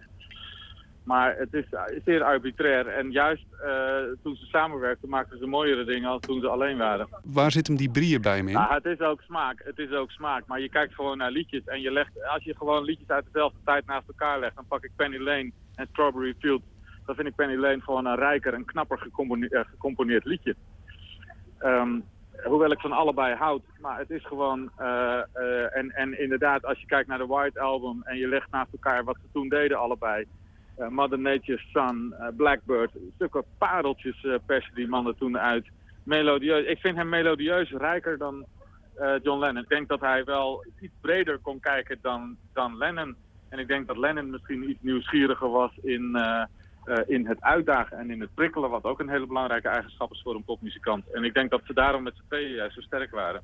Wat ik zo grappig trouwens vind, is dat iedereen die het vraagt, voelt een soort verplichting om het, om het antwoord goed te hebben. Dat het is niet niemand die, die ook in die, in die filmpjes zie dat mensen die vraag eh, opvallend serieus nemen. Alsof er Niemand iets van zegt wat een, wat een onzin, ze waren toch samen? Ja. Zij waren de Beatles met Ja, z'n tweeën. Ja, zelfs als ze dat zeggen, dan merk je dat ze het belangrijk vinden dat dat antwoord in ieder geval goed is. Ik vond het ontzettend grappig om, eh, om te horen. Ik wil ook straks van jou horen of jij eh, al gekozen hebt. Dat mag ik nog niet vertellen, want dat, eh, we gaan eerst luisteren naar Marieke Jager, want die belde ik ook. Die, ehm, die- Zangeres. de zangeres. Op, eh, nu druk aan het repeteren. Die komt eh, pas eh, begin volgend jaar eh, gaat, zij, gaat zij weer toeren. Maar ja, zij is al vrij vroeg een Beatle-liefhebber geworden. En haar antwoord eh, was weer een heel andere. Eigenlijk ben ik Beatles-fan geworden vanwege Ringo Starr. Ja? Dat is het gekke van. Mensen stellen natuurlijk altijd de vraag van is het nou Lennon of McCartney? Maar ik denk dan, waarom heeft, waarom heeft niemand het over Ringo? Nou, ik vertel, was- wacht, waarom Ringo dan? Daar ben ik razend benieuwd naar. nou, ik was verliefd op Ringo. Ik wilde drummer worden. Dat was, zo simpel was het eigenlijk. Ik was eh, jong. Ik weet niet, een jaar of acht of zo. En toen, eh, ja, dat, dat, dat vond ik gewoon eh, de, de leukste Beatle. En ik vond die liedjes natuurlijk leuk, maar ik had toen nog geen idee wie wat schreef of wie, wie voor wat verantwoordelijk was. Maar ik vond vooral de drummer heel erg leuk. En eh, omdat ik zelf ook wilde drummen. Die, die vraag wordt nooit gesteld. Hoe belangrijk was de... Of, wa- er, is nooit, eh, er wordt nooit gekozen tussen Harrison en, eh en Starsky bijvoorbeeld. Maar weet je, mensen onderschatten echt wat Ringo Starr met zijn geluid en zijn keuzes in, in drums, in zijn spel, zeg maar, heeft toegevoegd aan dat, dat hele geluid van de Beatles. Dus nu zie ik ook hoe groot eh, die rol van Ringo was met zijn, eh, met zijn drumstijl. Dus eh, ja, misschien heb ik dat toch onbewust vroeger eh, aangevoeld. Ik, nee, maar ik, ik vond de, de, de muziek gewoon heel erg leuk. Maar ehm, ja, mijn hart ging naar Ringo. Ja, het is ook goed dat iemand het een keer opneemt voor Ringo Starr. Want de man kon wel degelijk drummen en was wel degelijk heel belangrijk voor de Beatles. Goed dat Marieke Jager de keuze zo handig omzeilt. Ik was vroeger fan van Aaron Winter, dus ik weet precies hoe ze zich voelt. Hoe dat voelt gewoon om, eh, ja, om voor de underdog te kiezen eigenlijk. Hè?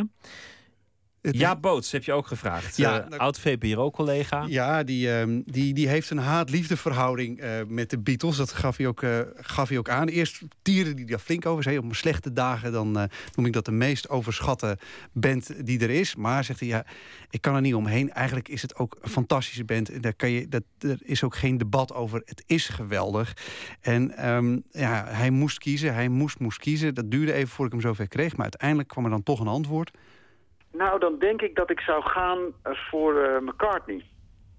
Eh, ik, ik heb natuurlijk, ik kom dus zeg maar oorspronkelijk uit rock and roll kringen, hè, waar dus wilde jongens zoals John Lennon die mondharmonica spelen uit winkels en die heel erg wild leven. En, die, en die is natuurlijk een heel erg veel meer beschadigde persoon eigenlijk dan McCartney. En daardoor was hij natuurlijk ook maffer. Maar ik, ik denk dan altijd van, ja, zou ik met zo'n man zeg maar in, in, in, een, in, eh, in een kroeg willen zitten of zo? Zou ik met die man een, een biertje willen drinken en een paar liedjes willen spelen? Nou, dan, dat zou ik echt veel liever met McCartney doen. Ook al omdat ik denk dat je van McCartney veel meer zou kunnen leren. McCartney is natuurlijk een waanzinnige muzikant op allerlei gebieden. En dat is nog wel eens eh, is dat ondergesneeuwd geraakt. En, en ik denk dat ik dus in dat kamp uiteindelijk zou kiezen voor McCartney. En, eh, ja, en het gekke is dat terwijl ik dit nu zo zeg... dat is raar wat er nu gebeurt. Want terwijl ik het zeg, denk ik, ja... wel een beetje natuurlijk een brave, saaie eikel ook, hè. Met, met, met Lennon zou, er wel, zou het wel veel meer gaan knetteren. Misschien zou je ruzie met hem krijgen, of weet je. Dus, nou, het, is, het, is een, het blijft een moeilijke vraag. Al dus ja, Boots, die eh, toert met zijn boek Donderweg trouwens, langs de, de theaters. Ja, een, eh, een dilemma, zoals je zei, eh, Maarten Westveen. Maar uiteindelijk is natuurlijk de grap dat het talent van de Beatles zat hem in Lennon en McCartney en een beetje George Harrison en, en een beetje Ringo Starr. In de jaren zeventig hebben ze het allemaal apart nog geprobeerd. En eigenlijk zijn de albums van Lennon briljant, maar op een gegeven moment wordt het wel wat therapeutisch. De albums van McCartney zijn briljant, maar op een zeker ogenblik denk je, ik mis toch de, de, de rock and roll een, een klein beetje. Doe nou maar weer wat Lennon. Maar ik moet kiezen zeker, hè? Ja, ja, ik hoor je eromheen praten, maar je zal toch echt moeten kiezen. McCartney. Ja, nou, dan, dan ben ik blij, ben ik heel blij dat je dat zegt, Pieter. Dat is, eh, je bent een man naar mijn hart, want volgens mij kan je ook, als je moet kiezen, en het is onzin, het is als je, alsof je het over een stroopwafel hebt. Dan kan je niet de wafel of de stroop kiezen. Het is het geheel, dat is het. Maar als je dan toch moet, dan moet je voor de man gaan die op één plaat en Helter Skelter kan eh, produceren en Blackbird. Iemand die die twee dingen zo kan maken, dat, dat is zo fantastisch mooi. Ik word daar zo gelukkig van als ik er alleen al aan denk. Ik We heb gaan net ook luisteren alweer naar teruggeluisterd. een van de liedjes eh, Blackbird. Dankjewel, Maarten Westerveen.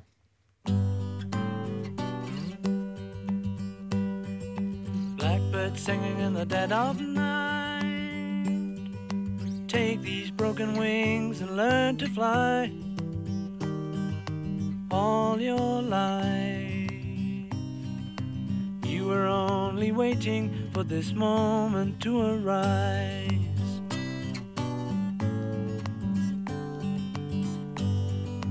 Blackbird singing in the dead of night. Take these sunken eyes and learn to see all your life. You were only waiting for this moment to be free. Blackbird fly. Blackbird fly into the light of a dark black night.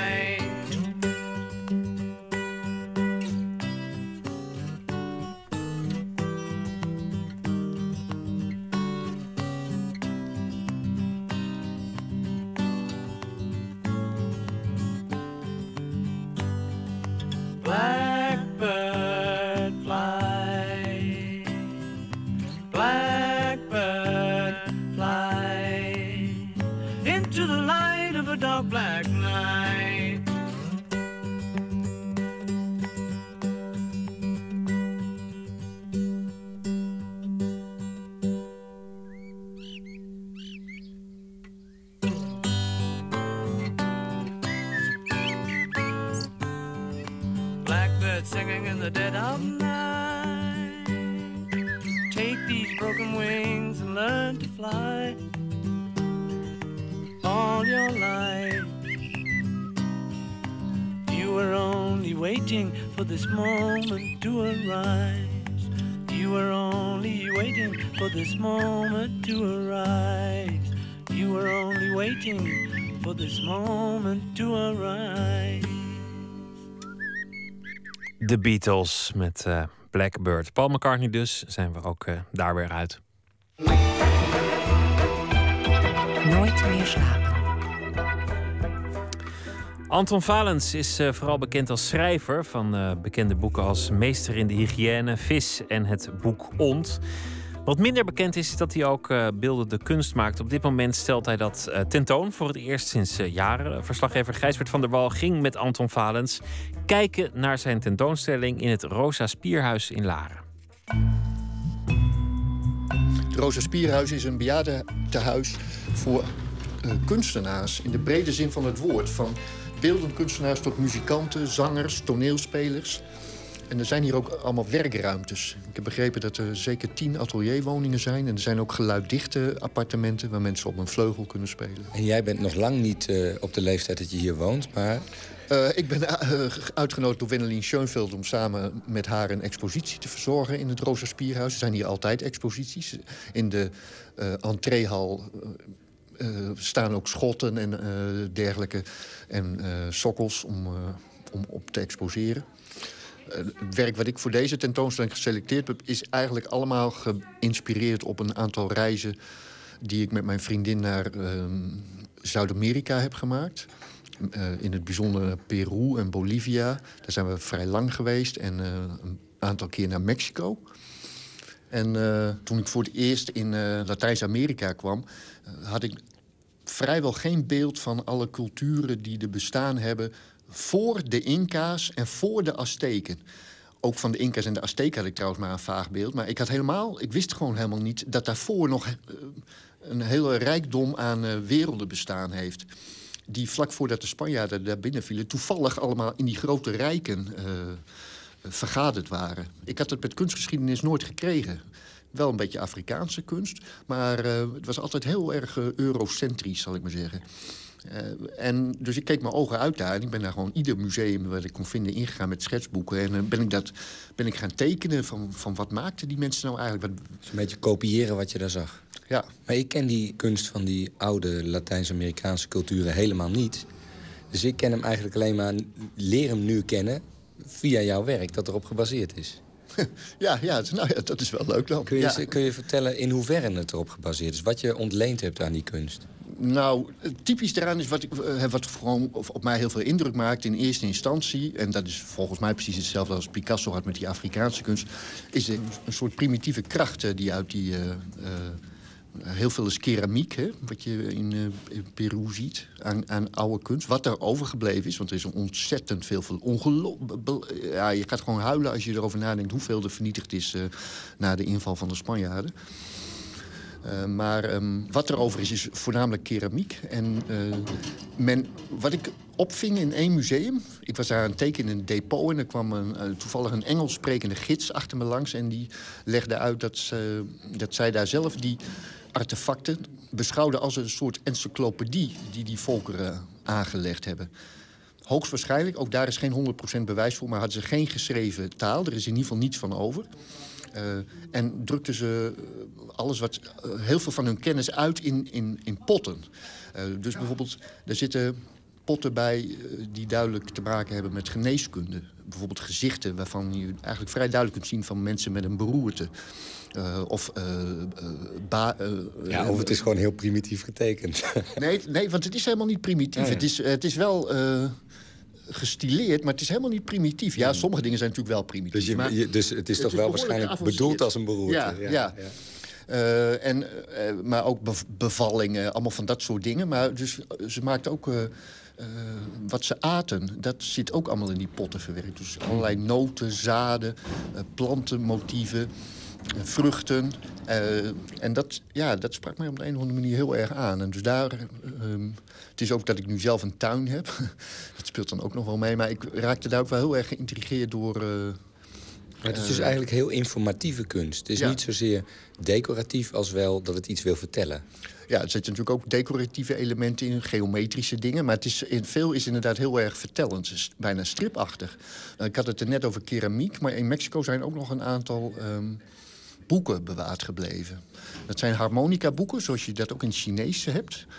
Ja, dat zijn een soort striptekeningen van, van de geschiedenis van bepaalde stammen. Maar deze kunst, die Latijns-Amerikaanse eh, eeuwenoude kunst... die bestaat dus allemaal in, eh, een beetje in boeken en veel in keramiek. Maar wat, wat, wat moet er nog aan toegevoegd? Wat, waarom had jij het gevoel dat er nog iets aan toegevoegd moet, moest worden... namelijk jouw eigen werk, jouw eigen Nou, dat, parafrases? ehm, het is niet dat ik het idee heb dat ik iets aan hun toevoeg... als wel dat zij wat aan mij toevoegen. Wat, wat mij altijd interesseert, met, wat me nooit lukt... Is, is mijn eigen handschrift te ontvluchten, zal ik maar zeggen. Dus ik vind het altijd heel interessant eh, als ik op vakantie ben... om te kijken naar bijvoorbeeld logo's of muurschilderingen of wat dan ook maar... om eens, om eens te zien hoe een hele andere hand iets tekent of schildert dan ik dat zou doen. En een heel ander hoofd ook. En een heel ander hoofd ook, ja, ja precies. Ja. Toch een hele andere mentaliteit. Ja, en dan ja, interesseert het mij om, dat, eh, om te proberen dat enigszins te begrijpen... en eh, te incorporeren in mijn, in mijn eigen werk. Met wetenschap heeft het bijvoorbeeld ook helemaal geen ene ruk te maken... want het, is, het zijn hele willekeurige combinaties van hele verschillende dingen. En de achtergrond hier is... eh, toen ik daar was, ben ik, zijn we ook, eh, mijn vriendin en ik, een tijdje in het regenwoud geweest. Nou, dat heeft op mij echt een best eh, een verpletterende indruk gemaakt. Dus dat heeft verder, ja, dat, Dus hier is een achtergrond van regenwoud. En tegen die achtergrond zien we... zien we een man en een vrouw. Het zijn eigenlijk gewoon... hè, dit is eigenlijk een zelfportret. Dit is mijn vriendin zogenaamd. Helemaal gestileerd volgens bepaalde pre-Columbiaanse neigingen. Maar ja, andere dingen, het zijn gewoon weer een fototoestel hadden ze Ja. toen natuurlijk nog niet. Ehm, soort heuptas. een soort heuptas, ja, dat, dat soort dingen ook niet. Maar, Maar dat is dus- bijvoorbeeld is wel weer zo'n element... Wat, wat gewoon ergens... Wat, ja, een plantachtig iets moet het voorstellen, Ja, denk dat, ik. dat jouw Ja. vriendin in de hand heeft. Maar Ja. het is dus jouw eigen verhaal, jullie eigen verhaal... Ja, ja. in de stijl van eh, de oude kunst die je daar zag. In een, ja, in een combinatie van stijlen eigenlijk. Hè. Het is heel Ja. eh, fusion, zal ik maar zeggen. Hè. Met je gegrasduint in alles wat je daar zag. ja, ja, precies. Ja. En dan was dit toevallig Zuid-Amerika. En dan vond ik dat ook heel, een enorme rijkdom daar. Maar in principe eh, ik ben ook wel in Athene bijvoorbeeld in een archeologisch museum geweest. Ik ga heel vaak naar archeologiemusea, omdat dat soort kunst, als je het kunst kan noemen... of we noemen het misschien nu kunst interesseert me sowieso heel erg. Die, uh, ook hè, Sumerië, Mesopotamië, ja, of Turkije, Hittiten. Uh, ik ben gewoon uh, zelf altijd erg geïnteresseerd in geschiedenis. En, ehm, maar waarom? Omdat je je kunt inleven in hoe het was om ergens anders in een andere tijd te leven? Wat, nee, wat zit volgens mij heb ik dat niet speciaal. Nee, nee, ja. Of is het meer een vorminteresse in, in hoe mensen dingen stileerden in een andere tijd op een andere plaats? Nou, dat, ja, dat, dat absoluut wel, ja. Het is natuurlijk ook een soort zoeken naar een soort, wat zijn nou, zeg maar, oervormen. Ja, ja, en dus ik eigenlijk... denk inderdaad ook wel wat jij zelf eigenlijk net zei... Van, dat het ook vaak informatief is op de een of andere manier. Heel veel van dat soort dingen gaan inderdaad om ja, mijlpalen of, of om kennis over te dragen. Is dat ook de bedoeling van jouw eigen kunst? Dat je graag wil dat die informatief is? Dat je er verhalen mee vertelt? Ja, nou... Ik bedoel niet over de oude Azteken en zo, maar over je eigen leven nu? Ze zijn inderdaad... Ja, maar dat heeft mijn, hebben mijn, heeft mijn beeldend werk altijd wel gehad. Een, een, een vertellende... Uh, ja, een neiging om te, om te vertellen. Om verhalen te vertellen. Het is eigenlijk grappig dat vaak wordt over jouw boeken beweerd... dat je daaraan afleest Ja. dat je een schilder bent. Met andere woorden, dat je ergens in sterke beelden schrijft. En andersom kun je dus zeggen dat in je schilderijen... nou juist een hele sterke vertellerskant zit. Ja, nee, dat klopt precies. Ja, dat, uh, nee, dat heb je helemaal gelijk in. Ja.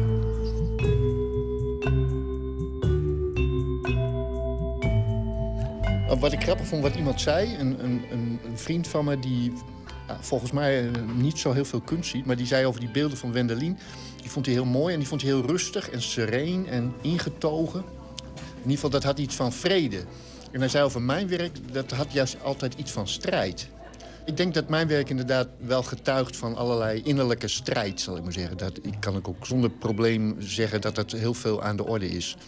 Eh, al deze dingen zijn dus, eh, we hebben al eerder over allemaal mengvormen van uh, dingen die ik gezien heb en dingen die uit mezelf komen. En de strijd gaat er denk ik om van, van wat is nou van mij en wat is niet van mij.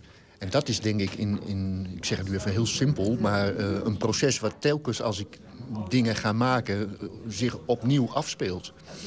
Dat ik vaak niet weet, uh, om, dat klinkt wel heel psychologisch, maar dat ik eigenlijk niet weet wie ik ben voordat ik daar met iets begin. En dat ik, ja, dat ik een soort rust probeer te vinden in die uh, brei van tegenstrijdige impulsen.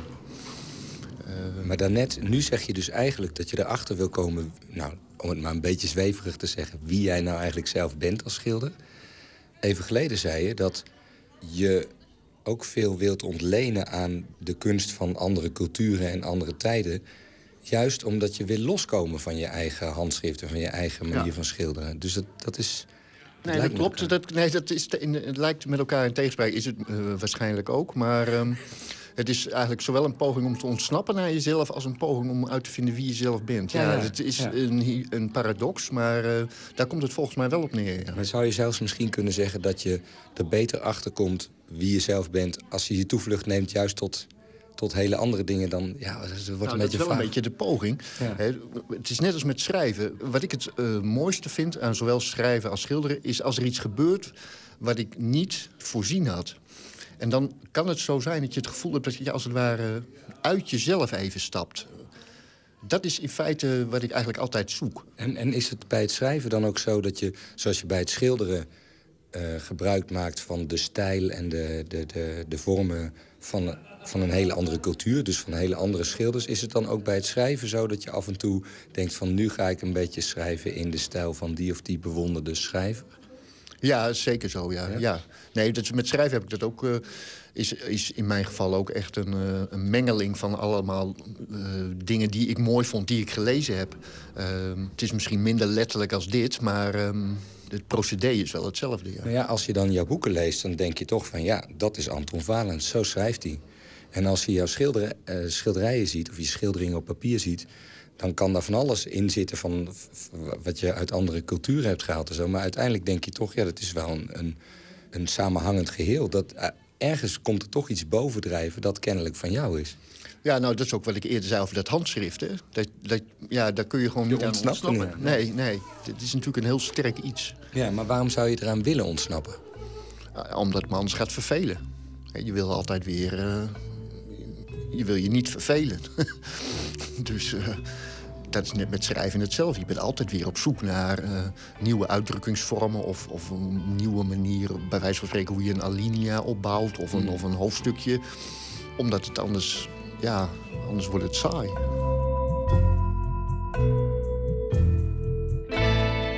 En dat, dat, zo zie ik kunst voor mezelf ook als, als een spel van allerlei mogelijkheden. Een oneindige hoeveelheid mogelijkheden die je kunt eh, proberen te benutten.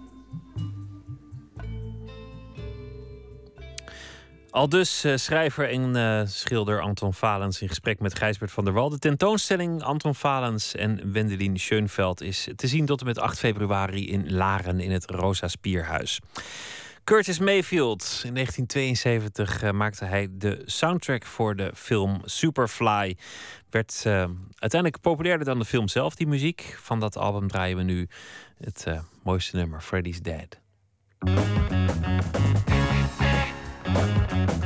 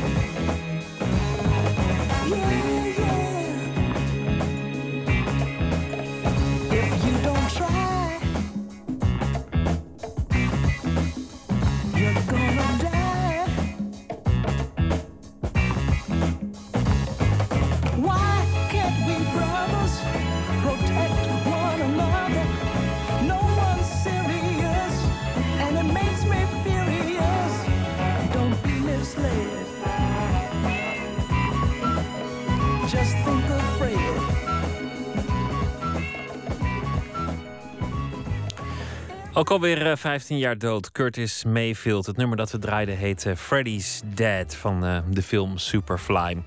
Nooit meer slapen was dit voor vannacht. Morgen zit hier eh, Simon de Waal, ook over eh, zware misdaad. Zij eh, was ooit rechercheur in de binnenstad van Amsterdam... met als specialiteit de ware crimineel. Maar eh, sinds de jaren 90 werd hij eh, ineens eh, de film ingezogen. En sindsdien is hij een van Nederlands meest succesvolle scenario-schrijvers. Onder andere het eh, scenario van de politieserie Noord-Zuid. Binnenkort te zien op televisie. Dat morgen. En dan zit hier Anton de Goede. Straks de nachtzuster met Astrid de Jong. En ik wens u een hele goede nacht. En graag weer tot later.